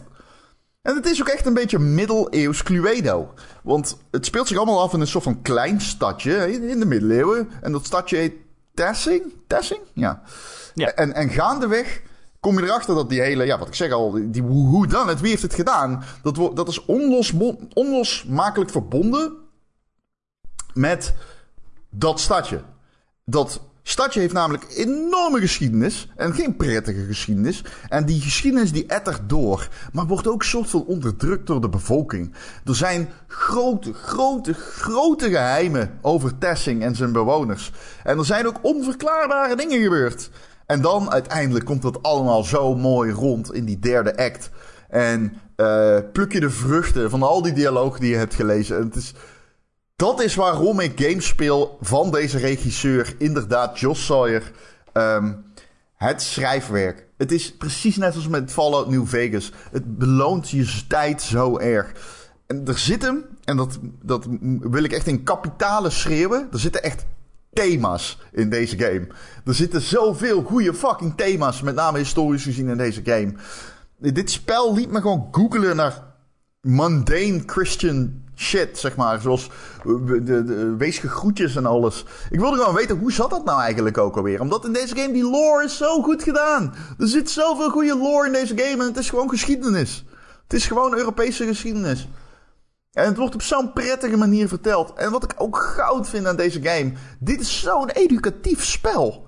Het heeft zoveel educatieve waarde, terwijl het ook gewoon entertainment is. Zeg maar, als je het hebt over een educatieve game, dan denk je meteen aan fucking Red, hoe heet Red Cat of van, van, weet je wel, dat soort games. Maar dit doet het zoveel beter. Als je ze gooien dus heel erg veel met jargon in die spelwereld. Um, met, met, met namen van aartsbisschoppen en met uh, vertakkingen van de kerk. En gewoon dingen, gewoon begrippen die je misschien wel kent, maar waar je niet meer helemaal weet hoe zat dat nou ook alweer. Hè? En um, ja, deze game, je kunt op ieder moment dan op back drukken. En dan staat er gewoon in een klein zinnetje of twee staat er uitleg van, nou, dit is ook alweer wat het was. Geen boeken, je bent niet een boek aan het lezen, maar gewoon, er wordt even uitgelegd, dit is wat het betekent. Dat is zo goed gedaan. Het, het zoog me echt dat universum in. En um, Pentiment is voor mij. Heeft ook zoveel waarde als Game Pass game. Uh, Sawyer heeft wel eens gezegd in een interview van. Deze game hadden we waarschijnlijk niet gemaakt zonder Game Pass. Omdat je een vertakking van een team krijgt dat niet werkt aan een main product. Maar ja, Microsoft kan altijd wel een extra gamepie gebruiken op Game Pass. Dus er is altijd budget. En dat is wel geweldig zeg. Het is wel geweldig als je dit soort dingen. Ik hoop dat Sony. Dit, dit zijn de type games waar ik gewoon heel erg. Um, maar een beetje trots om gamer te zijn of zo. Dit voelt alsof we de andere media aan hak hebben gezet. Omdat dit gewoon zoveel dingen zo goed doet. Um, ik hoop dat we meer van dit gaan zien. In, twee, in, in deze generatie. Van eigenlijk alle uitgevers. Gewoon meer kleine gedurfde projecten. Met een unieke invalshoek. En die niet uh, bang zijn om weg te kijken van hele zware thema's. Ja, je zou hem ook bijna op school uh, op, je, op je leeslijst kunnen zetten, zeg maar. Vind ik echt. Ja, vind ik serieus. Zo, zo, ja. zo goed geschreven en, en, en qua geschiedenis uh, zo uh, goed onderzocht en zo. En allemaal verhaallijnen die geïnspireerd zijn door dingen die in het echt ook gebeurd zijn. Ja, en het leunt heel erg op dingen die in het echt gebeurd zijn, ja. Maar um, het wordt nooit saai. Eh, wat ik wel zal zeggen over Pentiment, dat is mijn grootste kritiekpunt, is dat hij af en toe een beetje trekt. Dat is heel traag. Maar heel af en toe dan moet je zeg maar op en neer lopen. En dan denk je, poeh, ik weet niet of ik wel zin heb om helemaal het eind op en neer te lopen. Of dan in de derde act, dan denk je dat, dat je weet waar het heen gaat. En dan komt er een twist. En dat is allemaal heel vet. Maar alles daarvoor gaat heel traag. Het is heel traag. Maar dat zijn maar... Dan hebben we het over een paar momenten die ik heel traag vind. Um, verder, eh, fantastisch spel. Geweldige twist ook in de derde act is fantastisch. Die is zo goed. Love it. Uh, leuk dat die bij jou op 4 staat. Want bij mij op 4 staat, uh, ja, on, waar wij het over oneens zijn in de boekengames van dit jaar. Waar wij op 4 staat Citizen Sleeper. Oh ja, daar zijn we het wel een beetje over oneens. Maar ik vind Citizen Sleeper heel goed. Ja, precies. Ik vind Pentiment ook heel goed. Maar uh, ja, nee, nummer 4, uh, Citizen Sleeper. Die, uh, ja, dat, die, die, game vind ik zo goed geschreven. Het is ook zo'n kleine indie game waarin je vooral teksten leest. Er zit wel wat gameplay in. Je hebt ook wel wat keuzes te maken. Hè. Elke dag word je wakker, dan gooi je een paar dobbelstenen. En die dobbelstenen die bepalen eigenlijk wat je kan doen en hoe goed je het kan doen. Dus je rolt een, een bijvoorbeeld een 6. Dan kan je die 6 inzetten om te gaan werken. En met die 6 doe je dat heel erg goed. Dan verdien je meer credits. En die credits heb je weer nodig om spullen te kunnen kopen, om uh, eten te kunnen kopen, om goed uit te rusten. Of, of om, om, medicijnen te kopen, om, om het langer vol te houden. Um, dus je kan wel keuzes maken. Je kan wel je eigen verhaaltje volgen. Maar het draait vooral, en wat het vooral zo goed maakt, is gewoon het schrijfwerk. Het is echt gewoon net een science fiction boek met mooie plaatjes erbij. En dan een van de best geschreven science fiction boeken, oh, zou ik pardon. zeggen. Ik sloeg tegen de mic. Uh, oh, was jij dat? Uh, je bent een, een robotkloon van een mens en je, bent ontsnapt aan een, een, bedrijf wat jou een soort als van slaaf gebruikt, een soort van slavenarbeid. En die mens die heeft jou gekloond, eh, zodat die mens dan zelf een beetje kan vliegen fluiten. En uh, jij bent al verkocht aan een bedrijf, en, maar je bent ontsnapt. Aan boord van een ruimteschip ben je meegegaan en je komt eigenlijk aan op een, ja, een, een derelict space station, zoals ze dat noemen. Een ruimteschip, een ruimtestation dat niet meer voor zijn oorspronkelijke doel gebruikt wordt. Maar dat zweeft maar een beetje door de ruimte, geheel nutteloos. Behalve dan dat heel veel mensen hier een bestaan hebben opgebouwd. Die zijn hier aan het werk. Uh, ze zijn uh, bijvoorbeeld uh, schroot aan, het, aan het verzamelen van ruimteschepen. er wordt ook ergens een heel nieuw ruimteschip gebouwd. Dat weer een, een, een, nieuwe plek om te wonen gaat zoeken. Um, er zijn uh, uh, buitenwijken waar, uh, waar bendes het voor het zeggen hebben. ja, er zijn gewoon winkelcentra en, en, en, eetstalletjes en zo. Allemaal mensen die in hun klein hoekje van dit roesterige ruimtestation proberen om te overleven en om een betekenisvol bestaan op te bouwen voor zichzelf. En jij komt ertussen en je hebt eigenlijk helemaal niks. Je kent niemand heb je wel bestaansrecht, vraag je jezelf af. Want je bent ook maar gewoon een, een kloon, een robot. Je lichaam valt langzaam uit elkaar. Je kan er eigenlijk niks. Het is allemaal een beetje hopeloos. Maar dan vind je hier toch hoop. En dat vind ik zo prachtig. En dat, dat, dat doet me dan denk ik ook toch wel iets. Eh, ik denk dat hij daarom bij mij uh, zo bovenaan de boekengames uh, staat. Die hoop, dat, dat, dat schijnt er zo doorheen. Dat vind ik zo mooi. Uh, het zijn allemaal mensen die je tegenkomt. De relaties worden zo goed beschreven. En je bouwt daar vriendschappen mee op. Uh, is bijvoorbeeld een man met, uh, met een kind. En, het kind, ze houden heel erg van elkaar. Maar die man moet de hele tijd werken. Anders hebben ze niet genoeg geld. En dan ga je op dat kind passen. Dan bouw je ook weer een relatie mee op. En dan, ja, hoe meer je dat doet. Hè, je kiest dus waar je je vrije tijd aan besteedt. Hoe meer je dat doet, hoe meer je die band opbouwt. Eh ja, en dan aan het eind van die game denk je, oh, ik heb vrienden met deze mensen. En dan, wat ga ik eigenlijk met die relatie doen? Gaan we samen ergens heen? Gaan we uit elkaar? Wat, wat gebeurt daar aan het eind?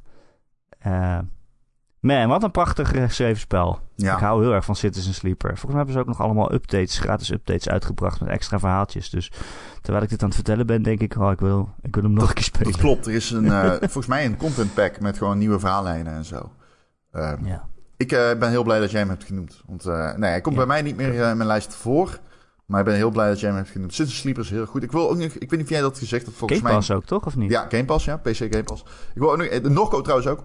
en Pentiment ook, voor de duidelijkheid. Ja, ja al, die, um, al die games. Ja. ik wil nog één ding over Citizen Sleeper prijzen. En dat is de muziek. Ach, ja. De muziek is heel erg goed in Citizen Sleeper. Ja. Heel sfeervol. Ja, en ook gewoon goed audio design. Met, met, met, met geluidjes als je van scène plots verwisselt en dergelijke. Uh, ja, nee, ik ben heel blij dat je hem noemt. Ja, het is, uh, je hebt zoveel keuzevrijheid. En dat is wel iets waarmee de game zich onderscheidt, vind ik. Ten opzichte ja. van dan Pentiment en Nokken. Ja, ja, maar het is wel echt... Van, van die drie is het het meest een boek ook. Dat oh. moet je wel weten als je gaat spelen. Ik vind dat het fijn, maar het is me het meest lezen, zeg maar. Zeker, zeker. Ik vind het fijn als het, zeg maar... Um, Kentucky Route Zero die vind ik echt heel erg goed, zeg maar. Ja. En, maar die had nog wel meer gameplay dan deze. Deze heeft wel echt... De, de, de, dan bedoel ik, kijk, gameplay die duisters gooien en vervolgens keuzes maken is ook gameplay. Dus dat klinkt dan denigerend, terwijl ik dat niet zo bedoel. Maar daarmee, ja. je, je, je, je bent niet fysiek aanwezig in ruimtes. In, uh, in, in uh, en in die, al, al die andere games ben je wel fysiek in ruimtes aanwezig. Um, nog één ding wat ik even wil zeggen voor Pentiment, dat was ik vergeten. Oh, ja. Wat ik heel erg leuk vind, is dat je die game kan spelen als een klootzak. ja. Want mijn Word je guy... beloond uiteindelijk. Ja, ja, ja. Mijn guy is echt zeg maar een harte dief. Gewoon een sleazebag die... Uh... Oh god. Ik heb ook een, uh, een non te grazen genomen en zo. Oh nee. Ja, ja ik, ben, ik ben echt een klootzak. Je hebt, je hebt geroleplayed als jezelf. nou, nou, nou. Nee, maar ik ben echt een Non-Vorstemans. Non-Vorstemans. Uitstekend. Ja, nee, maar ja ik, ik, ja, ik heb seks gehad met een non in de bodem van okay. de kerk. Hoe was het? Het was alles wat ik hoopte dat ze zijn en meer. ik weet de naam niet. Religieuze ervaring. ja, ja, ja. Voor het kloppen de kerk uit of iets. Oké. Okay. Oh nee, niet kloppen. Kut. niet kloppen. Zingen. Waar dit op slaat. Voor het zingen. Uh, Oké man, fijn dat je dit nog even hebt gedeeld. Ja, non-seks is wel belangrijk in de Nee, maar het is leuk dat je die game kunt roleplayen. Je kunt die game roleplayen. Je kunt echt iemand spelen bijvoorbeeld. Je kunt heel christelijk zijn in die game. Maar je kan ook zeggen, ja, ik heb er echt helemaal niks mee. Dat is tof. Nee, nee, precies. Ja, dat was ik meer, ja. Oké, leuk. Eh, we gaan naar onze top 3's, maar dan gaan we ook naar de top 10 van de community. We hebben het zo opgelost omdat, eh, nou, jullie hebben allemaal gestemd. Er zijn heel veel stemmen binnengekomen, meer dan ooit. Eh, dat is superleuk. Maar de top 3 is toch wel heel erg duidelijk en afgetekend, jullie top 3. Dus die gaan we tegelijkertijd met onze top 3 behandelen. Maar eigenlijk willen jullie natuurlijk weten de hele lijst, de top 10. Ik Nou, heb hem ook nog aan- niet gezien. Even Oh. voor de duidelijkheid, voordat we Marky Marky gaan bedanken. Ja. Ik heb hem ook nog niet gezien, dus ik ben heel benieuwd. Oké, hij is heel leuk. Ja, we moeten- mogen Mark en Mark weer bedanken die eh, een heel eh, Excel-bestand heeft geschreven. Ik snap echt niet hoe die werkt. Normaal weet ik best, weet je iets met hoe je formules erin zet, maar het, het is heel ingewikkeld. Hij heeft gewoon alle eh, ruwe data erin geplakt en toen kwam er een lijst uit. Het bijzondere aan deze lijst is ook wel dat je ziet wat voor jaar het was. Namelijk, wat ik zeg, de hele duidelijke top 3. Maar dan, de rest is heel erg verdeeld. Dus heel veel games met één of twee punten of drie punten. Echt heel erg veel games die, door, die maar door één of twee mensen genoemd zijn.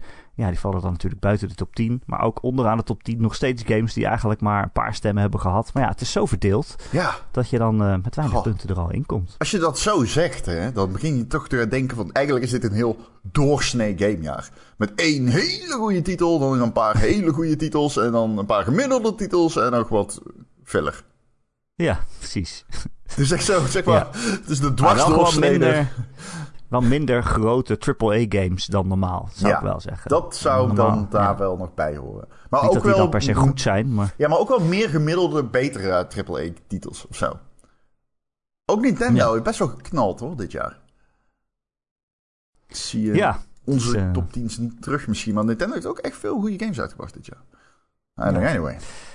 Eh Mark en Mark heeft er een punt van gemaakt om helemaal onderaan te zetten met nul punten Sonic Frontiers. Is niemand gestemd? Ja, we- niet iedereen, we kunnen elkaar niet altijd allemaal vinden in de Discord, maar we zijn het er in ieder geval over eens allemaal dat Sonic niks verdient. je weet hoeveel fans ze hebben, hè Ron? Pas op wat je zegt. Goed. Ehm, we gaan naar jullie top 10. We beginnen onderaan. Het is eigenlijk een gedeelde nummer 8. Er staan drie games op 8. Dus 8, 9 en 10. Een gedeelde nummer 8. Daar staat eh, Marvel Snap. Toch puntjes gesprokkeld. Dat vind ik mooi. Oeh, leuk. Er staat ook eh, Lego Star Wars Saga. Hmm, Toch een game die wij ook niet zo snel zouden noemen. ja, Dat was de favoriete game van Sven de Man. Die zegt het bevat alles waar ik tien jaar geleden van kon dromen. Toen ik Lego Star Wars The Complete Saga speelde. Cool. Hij staat nu op Game Pass rond, dus misschien eh, moeten we er nog aan. Hij heeft toch de top 10 gehaald. En ook op nummer 8 staat Xenoblade Chronicles 3. Als we het toch over een goed Nintendo-jaar hebben en games die wij niet spelen. eh, deze game, dat was de favoriet van SKB Jordi. Die zegt, ja, wel spijtig dat ik nergens Xenoblade 3 terugzie. Wat een geweldige action RPG is dat. Ik heb dit jaar de hele trilogie gespeeld. Dus de games hebben veel van mijn gametijd in beslag genomen. Hmm. Ja, dan ben je wel even bezig, denk ik. Ja, dan ben je wel even bezig. Ja. Eh, nummer 7 is Immortality.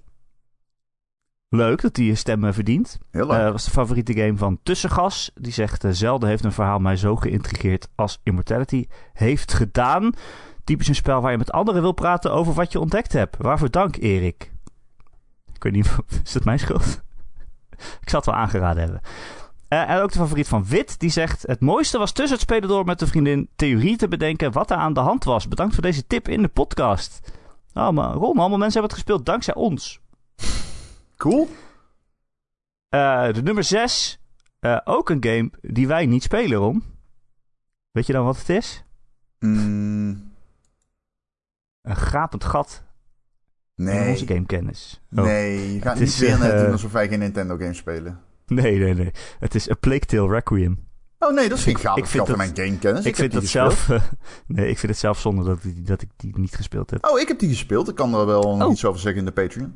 Of nu, Oké. wat je wilt. Zit hij zit tussen de top 20? Eh, ik heb die niet genoeg gespeeld, maar ik heb deel 1 Nee, ik ook uitgespeeld dit jaar. En ik ben nu bezig met twee. Dus een beetje zo te vroeg. Maar ik kan er wel iets over zeggen, ja, sure. Playtale Record, eh, Fanjo die zegt het is echt een geweldige game met combat die je laat nadenken over de opties om het einde van de gebied te halen. En een game die verhalend zo enorm sterk is dat je steeds meeleeft met de personages. Deze game Eh, kijken. tilt verdriet Ja? wel naar een nieuw niveau, moet ik zeggen. Oh shit. Doet wel zijn best. Tering. Eh, nummer 5 is Pentiment. Nou, dat is toch ook leuk. Heel leuk. Ik ben blij dat onze community ook dit soort vreemde games waardeert. Ja, indie games, kleinere zeker. games. Het is geen indie game natuurlijk. Het is geen indie game. Moet ik is het een indie game noemen? Nee, nee, nee, het is geen indie game. Nee, dat is Nee. niet. Nee. En dan, eh, ja, over indie games gesproken, nummer 4 van de community van de Ron en Erik podcast is Vampire Survivors. Eh, dat was bijvoorbeeld de favoriete game van Hubertus. Die zegt gewoon, omdat ik daar zo ontzettend veel plezier mee gehad heb, meer dan elke andere game uit dit jaar. Ja, terecht ook. Ik kan me helemaal voorstellen. Ja. Als je zeg maar dit hele jaar hebt en je zou alleen Vampire Survivors hebben als Ja. game Ja. en je zou in een kast worden opgesloten met een Steam Deck, volgens mij heb je dan nog steeds niet genoeg van die game.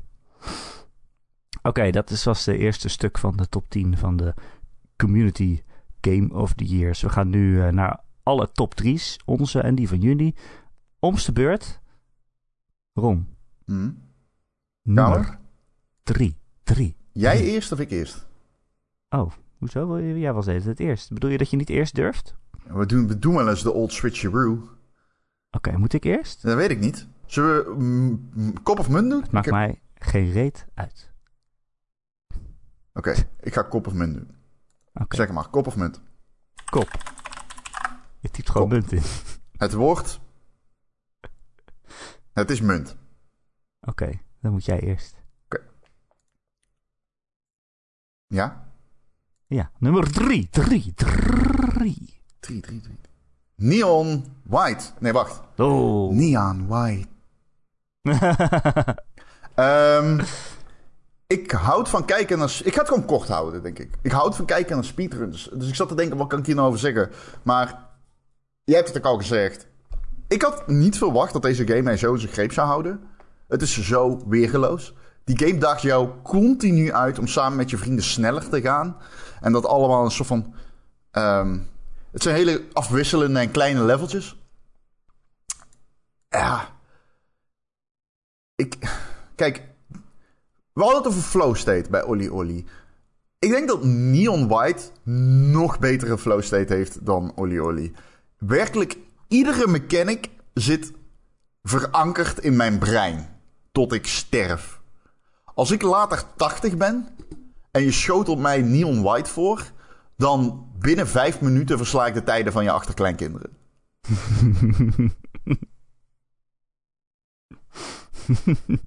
En dat is eigenlijk alles wat ik erover kan zeggen. Ik bedoel, geweldige game. Heerlijke soundtrack. Oi, oi, oi. Oi, oi, oi. Die soundtrack is baldadig. Ehm, en ehm, eh, clean ass stijl. Ja, ik hou echt van Neon White. De, de, de grote verrassing voor mij dit jaar. Absoluut, Neon White. Ja, ja, dat is een verrassing was het zeker, ja. Oké, ja, mooi spel. Ik kan er niet anders niks anders over zeggen. Ehm, mijn nummer 3 3, 3, 3, 3, 3, 3, 3, 3. is eh, Immortality.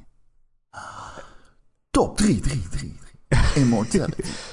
Immortality. Immortality. Immortality. Ik denk eh, ook, dat is ook een game die ik de afgelopen eh, weken steeds een plekje hoger heb geschoven in deze top 10. Want hoe meer ik over die game nadenk, hoe beter ik hem ga vinden. En ook, we hebben er vorige week in de Patreon podcast over gehad, eh, in de spoilers gedoken. En ik dacht ook, ja, het zit zo fantastisch goed in elkaar. Ehm, ik vind het vooral gewoon zo knap gemaakt. Het is zo bizar knap gemaakt. Hè? Je hebt al verteld eh, wat de opzet is. Die drie films waar je doorheen scrolt. Elke keer tik je een clipje aan en dan kom je ergens anders. Maar ja, ga er maar aan staan dat je dus als schrijver eh, van die game en van die films moet bedenken... Oké, hier moet een fruitschaal op tafel staan en die moet ook in beeld komen. Want als je op die fruitschaal tikt, dan kom je bij een andere film waar ook een fruitschaal in zit. Die moet ik daar dan ook wel neerzetten. Het moeten appels zijn. En als je op die appel tikt, dan kom je bij een andere appel. Hé, hey, deze appel is belangrijk. Eh, hoe, hoe, wat voor bord heb je in je huis met allemaal aan, met draadjes aan elkaar verbonden clips. Van oh, hoe kom je hier, hoe kom je hier? Hoe schrijf je een game als dit? Ik vind het echt bizar. En dan het andere knappe eraan is dat ze gewoon die hele twist... Waar, die wij al zo vaak niet gespoild hebben in deze podcast... maar altijd op hinten... dat ze die zo goed verborgen hebben gehouden. Ik bedoel, toen ik die game ging spelen, dacht ik ook gewoon: oké, het is een Sam Barlow game. Dus je, je, je scrolt door FMV-clips heen van echte acteurs. En probeert het verhaal aan elkaar te knopen. Zo gaan zijn games. En dan zit er een eh, heel andere laag onder die ik totaal niet aan zag komen. Waar ik me ook helemaal de tyfus van schrok. En eh, ja, het is zo knap gemaakt. En dan die acteerprestaties, dat zei je ook al. Maar ja, weet je, acteurs die acteren dat ze aan het acteren zijn. En dan uh, komt dat actiebord en een scène afgelopen. En dan acteren ze weer dat ze gewoon acteurs zijn. Het ziet er zo natuurlijk uit. Ja, dat is het allerraarste, vind ik. Fucking knap. Het is zo raar. De, de, de, ik geloofde echt. Ik, op een gegeven moment Ja. geloofde ik echt Ja, dat ik naar... mensen eh, aan het kijken bent. Ja, Gewoon ja naar acteurs. behind the scenes eh, Ja. eh, stukjes. Je Ja. kijkt naar... Ja, het is, ik ga nog één keer herhalen. Je kijkt naar acteurs die acteren na het acteren dat ze niet meer aan het acteren zijn. Ja, ja, precies. ja. Ja, en dan puzzelen het hele verhaal aan elkaar. Ja, ik ben er nog het hele jaar over aan het nadenken. Wat een bizarre game, wat een bijzondere game. Immortality is echt fantastisch. Hij staat ook, ja, die staat ook op Game Pass. Hij staat zelfs op Netflix. Als je een Netflix abonnement hebt, kan je hem op je telefoon spelen. Dus eh, doe het gewoon even. En eh, ja, gewoon even lekker klikken. Laat je meeslepen door dit fantastische spel. Wat een absurde game. Ik had nooit gedacht dat dit erachter zou zitten. Toch? Als je, Hm. als je niks over die game weet en van tevoren gaat bedenken waar zou het over kunnen gaan, dan dat, het, het echte antwoord dat ga je nooit gokken. het is echt bizar. Had ik althans. Nee, zeker. 100%. Maar goed. Oké, we gaan naar de nummer drie van de community. En wat ik zei, de, nummer drie, eh, de top drie is echt afgetekend. Eh, de nummer drie heeft eh, twee keer zoveel punten als de nummer vier. En op drie staat Horizon Forbidden West. Eh, bijvoorbeeld de favoriete game van Jappo. Die zegt, na Zero Dawn wilde ik gelijk een gevolg wat nog meer bracht van hetzelfde. En aan mijn vragen werd dubbel en dwars voldaan. De Dutch die zegt, het was een moeilijke keuze tussen God of War en Horizon. Ik heb uiteindelijk toch meer plezier gehad met Forbidden West. Ehm, want bij God of War moest ik soms echt even de controle neerleggen. En dat had ik bij Horizon totaal niet. En Waxie die zegt over Horizon: vette wereld, leuke gameplay en spaakt naar meer. Nou, goed nieuws. Komt DLC aan. En Ja. Ongetwijfeld een deel 3 ook, toch? DLC die zich afspeelt in Hollywood. Ja, weet je hoe je dat weet? Omdat het Hollywood-bord de meerdere apocalypsen heeft overleefd en een complete reboot van de aarde. ja, hoe werkt dat eigenlijk? Ja, de aarde is gereboot, maar het Hollywood, het Hollywood eh, borden die staan er nog. De letters. En ze staan tegen een eh, reus aan. Die, stond er, die staat Ja. er nu ook al, zeg Die, maar. die stond er dus al. Dat, Ja, die stond er al. Die Toen staat ze er nu bouwden. ook. We zijn er alleen nog niet achter. dat kan niet. In het verhaal van The Horizon kan dat ook niet. Nee, wel. Dat, dat kan wel. Ze zijn er Ja, al. hij is het opnieuw gebouwd. Ze staan er nu al. Nee, dat Oh nee, dat kan niet. Nee. Dat kan inderdaad kan niet. dus niet. Wat? Nummer 2, 2, 2, 2, 2, 2. Oeh, Forstemans. Ron Oh, ik weet het al. We hebben een nieuw genre. Gefeliciteerd allemaal. Maar hoe gaan we het noemen? Zeg maar. Survivor. Denk Like. je het survivor-like genre? Survivor. Ja. Maar dat is al iets volgens mij. Survival is al iets. Ja, survival is iets. Dat is te verwarrend. Survival horror. Dat is verwarrend inderdaad. Vampire-like? Ja, betekent dat dat het een game is waar geen vampieren is? Ja, geen vampieren in zitten, zoals in Vampire Survivors. Geen enkele vampier in zit. Zoals je kunt er geen spelen en je kunt er geen verslaan. Ehm, Vampire Survivors eh, is mijn nummer twee. En ehm, ja, wat ik eigenlijk al begin dit jaar zei, het is gewoon een nieuw genre. Ik zei al begin het jaar al, het is echt een nieuw genre. En het is grappig, hè, want ehm, ik speelde en ik streamde hem voor het eerst in december 2021. Dat, eh, dat is een jaar geleden. En ik weet nog dat iedereen in chat mij uitlachte. Zo, what the fuck is dit? En nu zijn mensen boos dat hij geen Game Awards gewonnen heeft. Dat is toch mooi? en terecht, want ik snap het volledig. Als je het ziet, dan denk je, wat is dit? Wat gebeurt er? En eh, ja, eh, Erik heeft het allemaal al verteld. Hè, van, dit is een game die Ehm, oh, dat wil ik nog even zeggen. Trouwens, Vampire Survivors is niet de eerste in zijn genre. Er was een mobile game die eerder was en die gebaseerd is op die game. Dat moet ik nog even zeggen. Maar heeft het genre gepopulariseerd. Ehm, ik weet niet, man. Ik, ik- jij hebt het allemaal al gezegd. Ik, ik zou nog willen zeggen, deze game wordt vaak vergeleken met Marvel Snap. Omdat... Huh? omdat Door eh? Oh, door mij. ja, nee, door iedereen.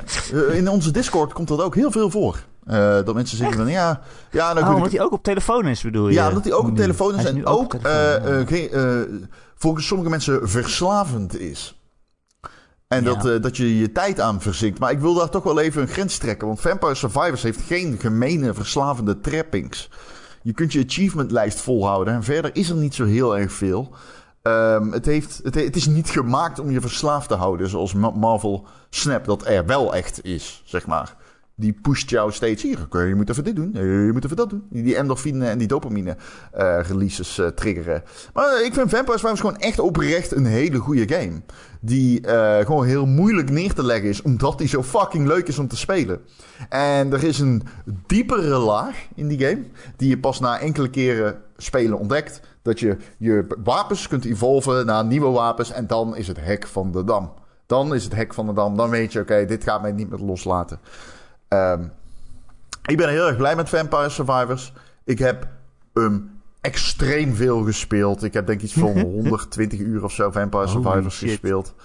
En eh, die, die- hij, ik ben in een Vampire Survivor gat gevallen. en dat gat bleef maar geven.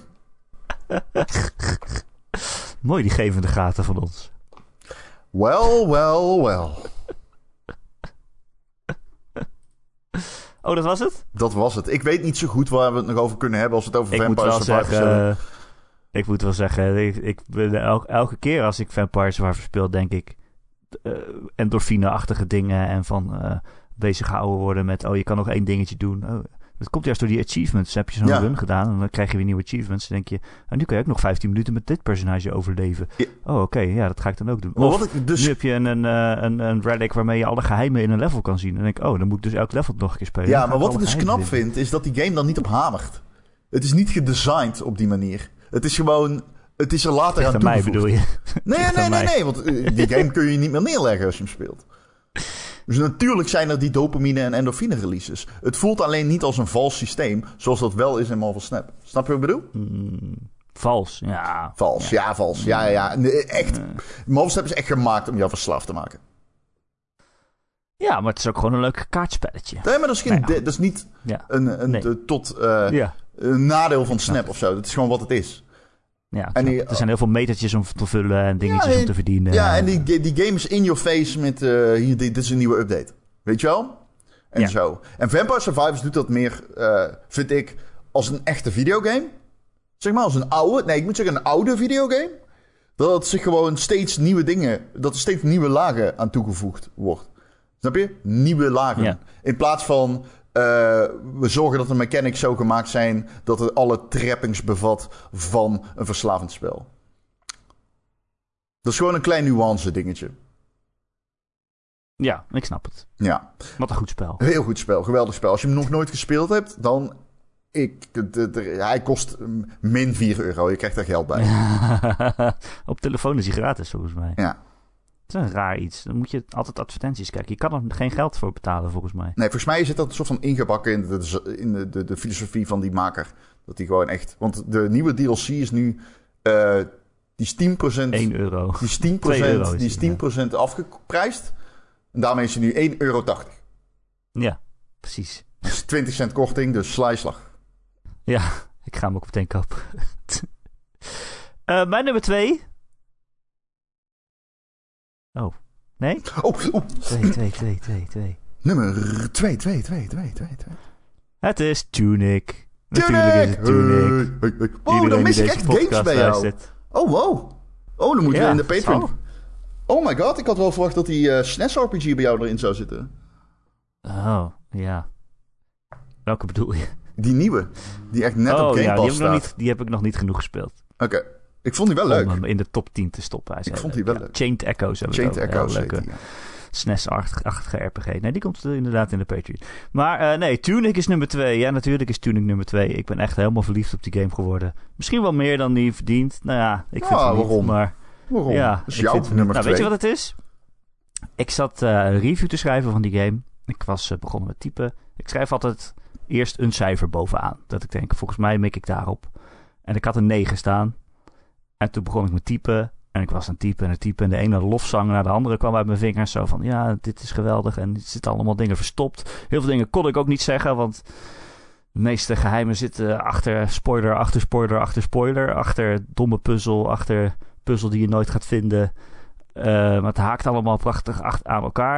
En ik was het allemaal aan het opschrijven. Toen dacht ik, weet je wat? Ik tik er nog een half puntje bij. Toen heb ik een 9,5 gegeven. Savage. man. Dus ja, soms... Je probeert altijd wel enigszins objectief te reviewen. Nou, ik wil ook niet zeggen dat ik dat niet gedaan heb, maar... Soms word je gewoon zo verliefd op een game dat je denkt... Ja, fuck it. Ik ga er gewoon een heel hoog cijfer boven schrijven. Het is gewoon geweldig. Toen ik is dat... ehm, ik heb er al zo vaak over verteld. Wat moet ik nog over zeggen, Ron? Het ziet, er, het, ziet eruit als een Zelda-kloon met een vosje. Maar het bracht mij echt tijd naar de, terug naar de tijd dat ik eh, Zelda op mijn Game Boy speelde en geen Engels kon.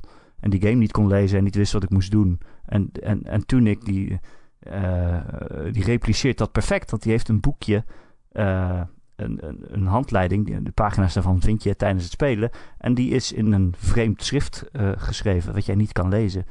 En elke keer vind je een pagina en dan denk je, ja, wat staat hier allemaal? Moet je een beetje context zien te krijgen. Soms krijg je een kaart, dat is natuurlijk wel handig, dat weet je meteen waar het voor is. Maar ja, daar staan dan ook in pen eh, aantekeningen bij geschreven, waarvan je denkt, wat is dit? Dit boekje is al een keer voor iemand geweest, die heeft alle geheimen gevonden, maar ik snap niet wat hiermee bedoeld wordt.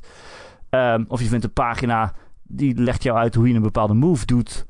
Eh, die had je dus de hele tijd al kunnen doen, maar alleen dat wist je niet. En nu heb je die pagina, nu weet je het wel. Dan kan je weer door die wereld heen en dan denken: oh, wat, wat, wat kan ik met die move doen? Wat kan ik er allemaal mee, allemaal mee doen? Het is zo'n magisch spel, zo'n vreemd, bijna buitenaards. Alsof deze game op een andere planeet is gemaakt voor andere wezens die eh games spelen. En per ongeluk op aarde terecht is gekomen. Dat je denkt: ik snap dit wel, maar ook weer niet. En ik ga er nu gewoon doorheen lopen en me erop stuk lopen. Want die game, de- eh, die game geeft er geen ruk om dat jij die taal niet spreekt. Het is niet alsof die game doet van... Ah, wij hebben hier een taal die jij niet kan praten. Maar eh, die game bestaat gewoon in een andere taal.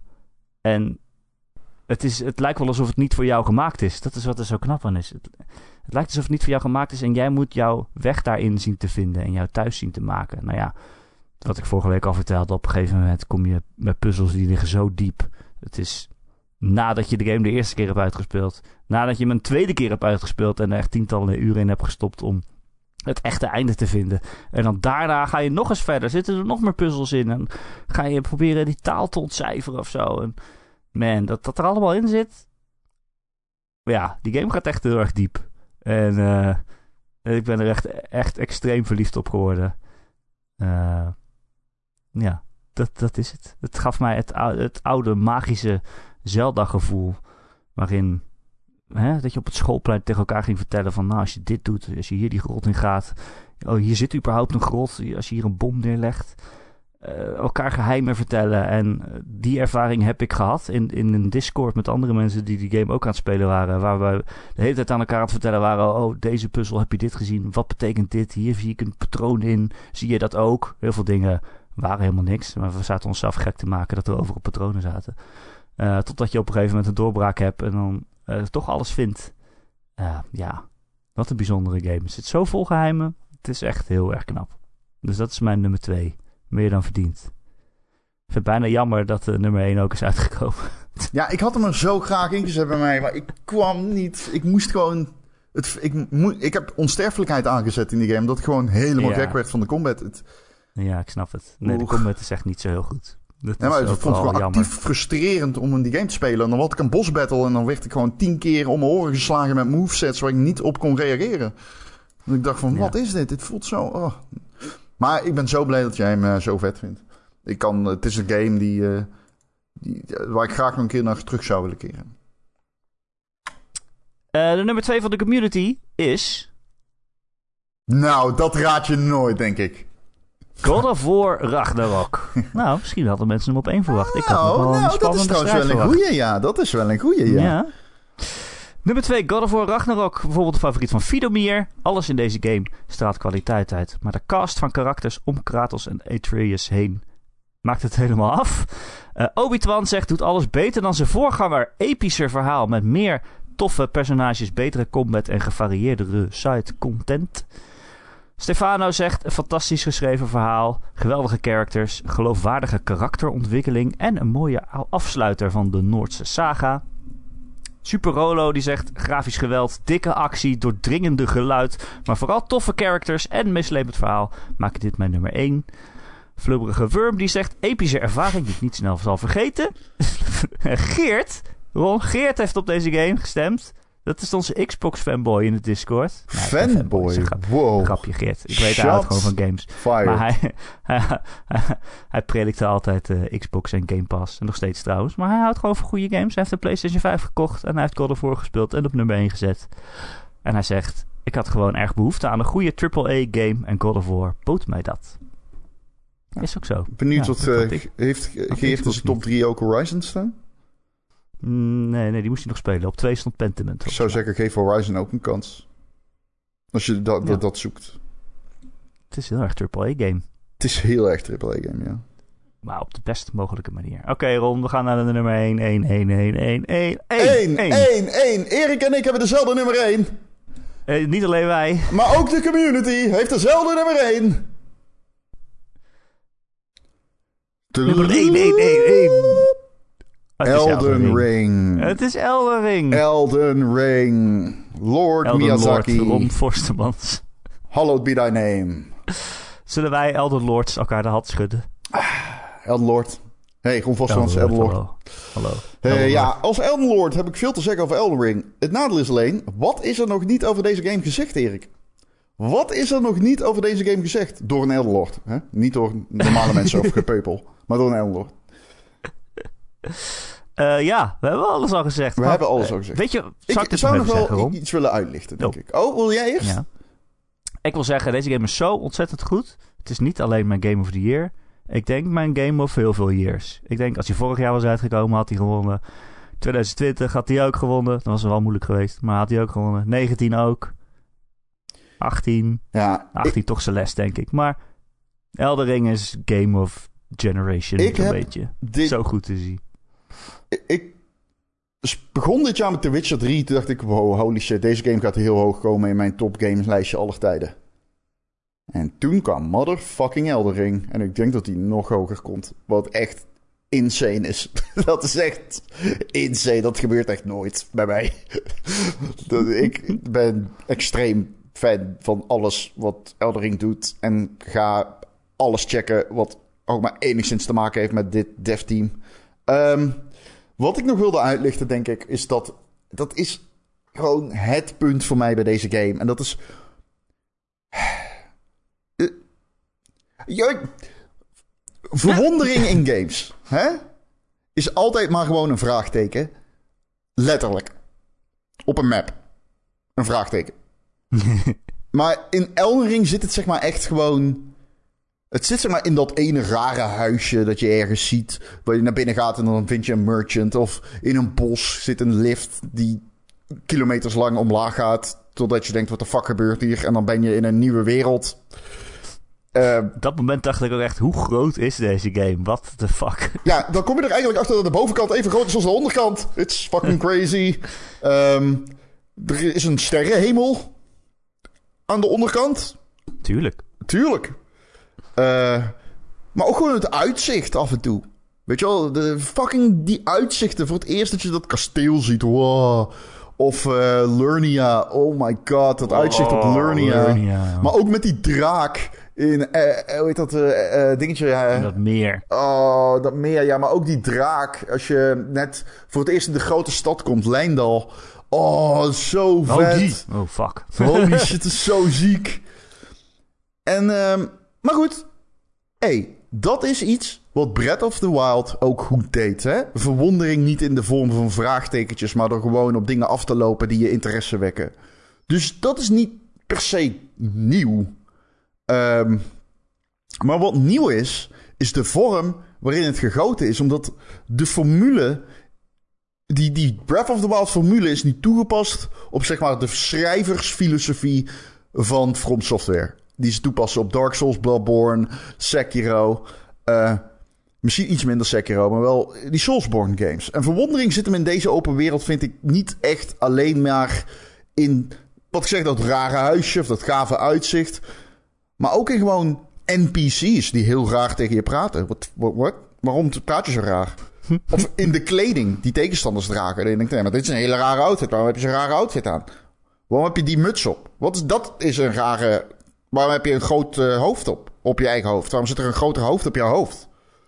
Ehm, en overal zie je ook bijvoorbeeld die Earth Tree terug. Je stapt uit de tutorial area en je ziet een gigantische lichtgevende boom. En die boom staat zeg maar heel centraal in Elden Ring. Maar dan kom je bij Art Direction. Die Elden, die, die, die tree zie je gewoon in deurklinken zie je die terug. Eh, in, eh, dus in inkepingen op kasten die van hout zijn, zie je de Earth Tree. Je ziet hem eh, op kleren, in borduursels, op sjaals van tegenstanders. Overal zie je die Earth Tree. Dat is zo ziek gedaan. Het geeft die wereld zoveel geloofwaardigheid. Ehm Het komt allemaal door George R.R. Martin. Ja, nou ja, wie weet. Nee, dat niet. Dat is niet het gedeelte. Wat wel door George R. R. Martin zou kunnen gaan komen, is dat de lore heel erg verweven is in de game. Ik denk, vergeleken met Bloodborne en Demon Souls, vind ik deze wel echt gewoon te volgen qua verhaal. Ehm, niet helemaal, maar wel voor, Nee. voor een. Ik wou zeggen, Nee, niet helemaal, maar eh, wel makkelijker dan die games, vind ik persoonlijk. Ehm, er zit ook die omgevingen, man. Het is een open wereld. Maar dat zou je eigenlijk niet zeggen, want er zit zoveel storytelling in die omgevingen. Zeg maar, wat is hier gebeurd in dit verkoolde landschap? Waarom is alles in as gelegd? Waarom valt er hier opeens bliksem uit de lucht? Wat de fuck is er aan de hand? Elden Ring is voor mij echt, zeg maar, wat ik zeg, verwondering in games. Zonder de vraagtekens op de map. Maar op avontuur gaan. In gewoon een van de meest prikkelende werelden. Met de meest prikkelende art direction. Die ik ooit heb gezien in een stukje entertainment. Het voelde voor mij echt alsof ik gewoon een hele, hele goede serie aan het kijken was. En dan heb ik het enkel over de storytelling. En ik ben zo benieuwd in wat er zeg maar nog meer te halen valt uit dit team. En wat zij. Want dit voelt wel echt alsof ze. Dit voelt als hun magnum opus. Alsof ze eh, ook eindelijk iets hebben gevonden dat nu de brug slaat tussen dat hardcore eh From Software publiek en het grote publiek. Dat nu iedereen ervan kan genieten, zeg maar. En dat is heel erg knap. Ik zei trouwens beste serie. Daarmee bedoel ik niet dat het een lineaire verhaalvertelling is, want dat is het absoluut niet. Ik bedoel daarmee het universum dat gebouwd wordt, voelt voor mij als één die gewoon echt zo prikkelend is als die van Star Wars of Avatar of whatever. ja. Ja, ja, het is ook, ja, het is ook, het is mijn nummer één met afstand, met verre, verre afstand. Nummer één, ja, alles wat je zegt klopt. Die wereld is zo knap en dat zit zo goed in elkaar en je gelooft het echt. En, maar ik vind ook die combat gewoon echt heel erg goed daarom. Het is, laten we daar niet aan voorbij gaan. Het is heel moeilijk, maar niet oneerlijk of zo. En je kan ook heel makkelijk je eigen speelstijl vormen. Ik ben iemand die heel voorzichtig overal op afgaat met een enorm schild. En als iemand dan aanvalt, dan, dan kan ik dat nog een beetje afweren en een beetje zo eh, eh, ontdekken eh, wat een tegenstander allemaal precies voor moves in huis haalt, houdt, heeft, Heeft. Huis heeft. Met Ja. een enorm schild loop ik overal rond en een enorm panzer. Maar als ik het nu nog een keer ga spelen, wil ik graag meer magie doen. Hè? Dat je lekker op afstand blijft en een beetje mensen bestookt met allemaal spreuken. Ja, of je bent iemand met zo'n... Wat was jij eigenlijk, Ron? Katana? Katana. Ik ging voor de maximale bleed damage. Oh ja, ja, dat is ook leuk. Zie je, je kan er ook nog weer heel je eigen spel van maken en hoe je het speelt. Dat, vind ik, dat zit er dan ook nog weer allemaal in. Dat ik denk, ja, ik heb nu deze gigantische game. Heb ik 120 uur of zo over gedaan. Heb ik, nou, daar is lang niet alles verkend trouwens. Ik wou zeggen, ik heb het helemaal uitgeplozen, maar dat is niet zo. Er zit nog veel meer in. Maar ik kan het ook nog een keer doen en dan op een heel andere manier spelen. En eh, nog een keer dat spel spelen. Daar heb ik eigenlijk ook wel heel veel zin in. Ik zou je vertellen, Maar dit is... heeft de tijd? Eh, Ik was klaar met The Witcher 3. Waar ik minder uren in had gestoken dan eh Elden Ring. En toen dacht ik, oh eindelijk, ik ben verlost. En Oh, bij. Elden Ring dacht ik... Oké, nu gaan we dan Magic doen. Ja, precies. Ja, dat had ik dus ook. Ja, en dan aan het einde en dan dingen zoeken die ik nog niet gevonden heb. Oh, en ik mis Ja. die wereld zo, man. Gewoon, ik wil gewoon iemand tegen mij horen praten over Marika. En ik weet niet wie dat is, echt, soort van. Maar ik wil gewoon iemand die tegen mij praat erover. Ik mis het zo. We kunnen gewoon Marcel even bellen. Ja, het is echt zo. Wie is Marika? Oh, man. En als je dit luistert. ehm, wij nemen dit zaterdag op. Dit is, eh, vanavond is het kerstavond. Eh, morgen is het eerste kerstdag. En deze podcast komt maandag online. Dat is de tweede kerstdag. Op eerste kerstdag komt mijn tekst online over mijn favorieten van de redactie. En die gaat Oh, over ja? Elden Ring. En lees die, alsjeblieft. Dat, dat- eh, ik wil het daarin gaat het ook heel erg over hoe irritant het is dat mensen over... Dat, als jij geen Elden Ring speelt, hoe irritant het is om mensen over Elden Ring te praten. ja, dat begrijp ik helemaal, ja. Ja, Het ja is deze een, game eh, valt ook lang niet voor iedereen. Hij is ook niet voor iedereen. Dat heb ik ook vaker gezegd. Dat vind ik ook nog steeds. Ik kan hem niet aan iedereen aanraden. Ja, het is heel moeilijk aan te raden. Ja, Aan sommige mensen bedoel ik dan. Want het is heel makkelijk aan te raden. Maar het is heel moeilijk aan te raden aan iemand die net begint met gamen of zo. Het is, je moet wel weten. Er zijn wel Ja, echt momenten ja. in die game die make or break zijn. Als jij geen sturing krijgt. ja, precies. Je krijgt heel weinig... Of mensen die alleen maar AAA-games gewend zijn of zo. Weet je wel, die God of War, Ragnarok en Horizon het hele, hele jaar spelen. En dan kan je die... Die zitten nu ook te kijken van, ja, Eldering. Iedereen zegt Eldering. En dan ga ik het spelen en dan weet ik niet waar de tutorial is, zeg maar. Het zit in de kelder. Die zit in je inventory. ja, ook ja. Was dat maar een grapje? weet, ik, ik, ik, ik weet niet hoe ik summons krijg, want ik moet s'nachts terug naar mijn kamp waar dan iemand zit te wachten toevallig. Dat moet ik maar net niet gemist hebben. Ja, Uiteindelijk, uiteindelijk. Kijk, die game neukt je af en toe ook. Hè, dus Ja. Dan maak je een kist open en word je naar de andere kant van de map getransporteerd. En denk je, what the fuck? ja precies. En ergens waar je niet kan winnen. Maar het maakt niet uit. Want het hoort erbij. Nee. En iedereen ervaart dat hij die game speelt. En Het is echt een avontuur. het, het is echt avontuur. Ja, het, wat ik zeg, het is verwondering zonder de vraagtekens. Maar met alle vraagtekens. Ja, precies. Eh, het is ook de nummer 1 van de community. Gefeliciteerd allemaal. En met afstand. Dikke, dikke afstand. Dikke Meer dan twee Ja, ik keer, zag zo meer dan twee keer zoveel punten. Ik zag zo vaak keer Elden zoveel Ring punten. langskomen. Het is, eh, wat hebben wij een goede community. We hebben een geweldige community. Dat is wat ik altijd zeg. Love it. Eh Gojira zegt verreweg het tofste avontuur dat ik heb ervaren. CatDog zegt unieke game. Ik heb mezelf erin verloren. Crackio, wat een geweldige muziek, gameplay en vooral sfeer. Knerf, die zegt als open wereld fantasy zwaarden en bijlen en slachtoffers-liefhebber. Wat? Slachtoffers-liefhebber? Oh, dat heb ik er denk ik eh ingeplakt. Eh, de ultieme game.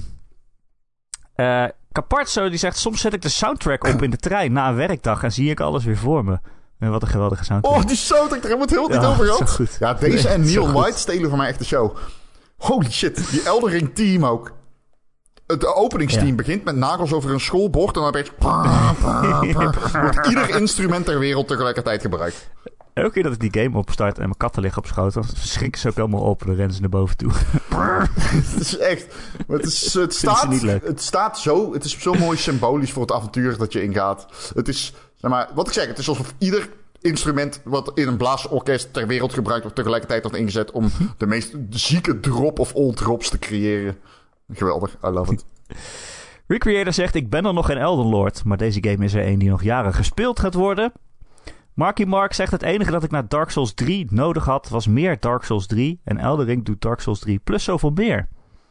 Eh Bugle zegt, ik denk dat deze in een rijtje komt van beste games ooit. Absoluut hoogtepunt eh, van de open wereld games. Dr. Dirk zegt ook, beste open wereld game ever. Abdel zegt, mooiste, grootste, meest uitdagende, meest ingenieuze open wereld game die je ooit hebt gespeeld. Petrified Penguin zegt zoveel vrijheid, uitdaging en finger but hole. dat wordt Ja. wel echt irritant van die berichtjes, moet Ja. ik wel zeggen. Allemaal mensen die steeds hetzelfde grapje maken. Goed. Eh, Bertje Fris zegt bijna mijn favoriete Souls game. Oh jee, wat zou het dan zijn? Bloodborne? Eh, Marijn zegt, Elden Ring bracht mij het vuur van verwonder- verwondering, ontdekking en uiteindelijk overwinning. Zoals maar weinig games dat hebben kunnen Oh, doen. mooi gezegd. Killing Mooi Bean zegt, het voelde als een episch Dungeons and Dragons avontuur met een wereld die ik niet wou verlaten. Jelle zegt, eh Eldering eh, is heel divers en adembenemend bij elke stap die je in de wereld zet en iedere dungeon die je ontdekt. Mike Shaw, geen game die mij zo gegrepen heeft sinds Breath of the Wild in 2017. En tot slot Ron, Silent Shade, die zegt, deze game geeft, geeft en blijft geven. Maar ik gaf meer en won. ja, Elder Lord. Elden Lord. Lord Elder elkaar. Lord. Hand schudden, hand schudden. Elden Lord. Egon Vosterlands, Elder Lord. Egon Vosterlands, Elden Lord. Ik heb op mijn eh, AirPods Pro 2... Op mijn AirPods Pro 2 daar kon ik iets laten ingraveren en daar staat nu Elden Lord. Terecht ook. Ja, die heb je verdiend. die heb je verdiend. Absoluut. Ja, die heb je verdiend. Plus, ik ben Elden Lord, dus dan herken ik ze. Ja, ik heb erop staan Elden Lord en Se- Sekiro eh, Lord. Oké, je Ook. bent geen Sekiro. Lord. Sekiro dat eh, uitspeler. dat draagt geen, eh, geen thema, hè? Dat draagt geen Sekiro naam. uitspeler. Heb jij die uitgespeeld? Nee, ik ben bij de laatste Oh, oké. baas. Ja. Oh, oké. ja, ja. Ehm, wil je je top 10 nog een keer voorlezen? Nee. Zal ik... Nee? Nou Wil je ja, het hierbij laten? oké. Op 10 Immortality, op 9 Norco, op 8 Horizon Forbidden West en op 7 God of War Ragnarok. Maar die twee mag je echt omwisselen. I don't give a shit. 6 Rogue Legacy 2, 5 Oli Oli World, 4 Pentiment, 3 Neon White, op 2 Vampire Survivors en op 1 Elden Ring. Yes. Erik? Ik had op 10, 10 Norco, 9 Not for Broadcast, 8 Neon White, 7 God of War Ragnarok, 6 Marvel Snap, 5 Vampire Survivors, 4 Citizen Sleeper, 3 Immortality, 2 Tunic en 1 Elden Ring. Ah, heerlijke lijstjes. Love it. Een love it. lijstjes. Goed, wil je meer lijstjes? Dan eh, kun je eh, lid worden van onze Patreon. Voor een klein bedrag in de maand krijg je dan elke week een extra podcast. En deze week gaan we dus kennelijk eh, onze nummers 11 tot en met 20 doen. Ik denk wel iets sneller dan we nu hebben gedaan. Ja, veel sneller. En ik heb... Toch weer Ik, uur officieel is het ook podcast. 11 tot en met 18. Maar ja. Oh, ik heb... ja? Oh. Eh, want je hebt er weer een gedeelde 18e plek of zo? Ja, nee, ik weet niet. Andere games zijn gewoon... eh dat is gewoon brei die niet goed genoeg was. Oh, ik kan echt oneindig doorgaan. Maar goed. Ja, ik ook. Ehm, omdat ik veel heb gespeeld. Maar niet iedere game verdient Ja. Het. Wil je ons steunen, dan kan dat dus via Patreon. En dan ga je dit eh, ook eh, luisteren, 11 tot en met 18 of 20. Dat doe je via patreon.com slash Ron en Erik. Patreon.com slash Ron en Erik. Voor een klein bedrag in de maand krijg je dus elke week extra podcast. En geef je iets meer, dan word je ook vriend van de show. En dan verdien je een dikke, dikke shout-out. En dat zijn deze week Betje Fris, Christian, Dozen Faces, Grekio, Heisenberg 190, Marky Mark, Mr. Mime, RTK for Life, Recreator, The Rock, The Killing Bean en Wesley D. Wesley D. Allemaal heel erg bedankt voor het steunen. Eh, heb je geen geld om aan ons te geven? Dat geeft niks. We houden van je. We willen je alsnog graag verwelkomen in onze Discord community. Daar zitten meer dan 400 luisteraars eh, ja, samen te kletsen over games en hun goties dus te delen. En eh, ja, dat heb je dan net gemist, maar het is alsnog gezellig als je erbij komt. De link daarvoor vind je in de podcastbeschrijving of op gamer.nl op maandagochtend in het artikel waar deze podcast ook in staat. En het is daar echt super gezellig. Ik kan niet anders zeggen. Ron, eh, dat was het. Dat was hem. Ik heb niks meer te vertellen. Op een nieuw jaar, waar we het, he- het hele jaar naartoe hebben geleefd. Het enige wat ik nog kan zeggen is volgende week is weer een lijstje. Dat doen we de top 10 games waar we naar uitkijken. Ja, hetzelfde als dit weer. Het is heel bizar eigenlijk, hè? Ja, weer een top 10. Dan ga ik weer al nu op het laatste moment alles van plek veranderen. ja, heb ik ook heel veel zin in. Ik ook. Er is niks zo leuk als vooruitkijken. Nee. Maar Ron, eh dankjewel weer voor een mooi podcastjaar. Nee, Erik, man. Jij bedankt. No. Thank you.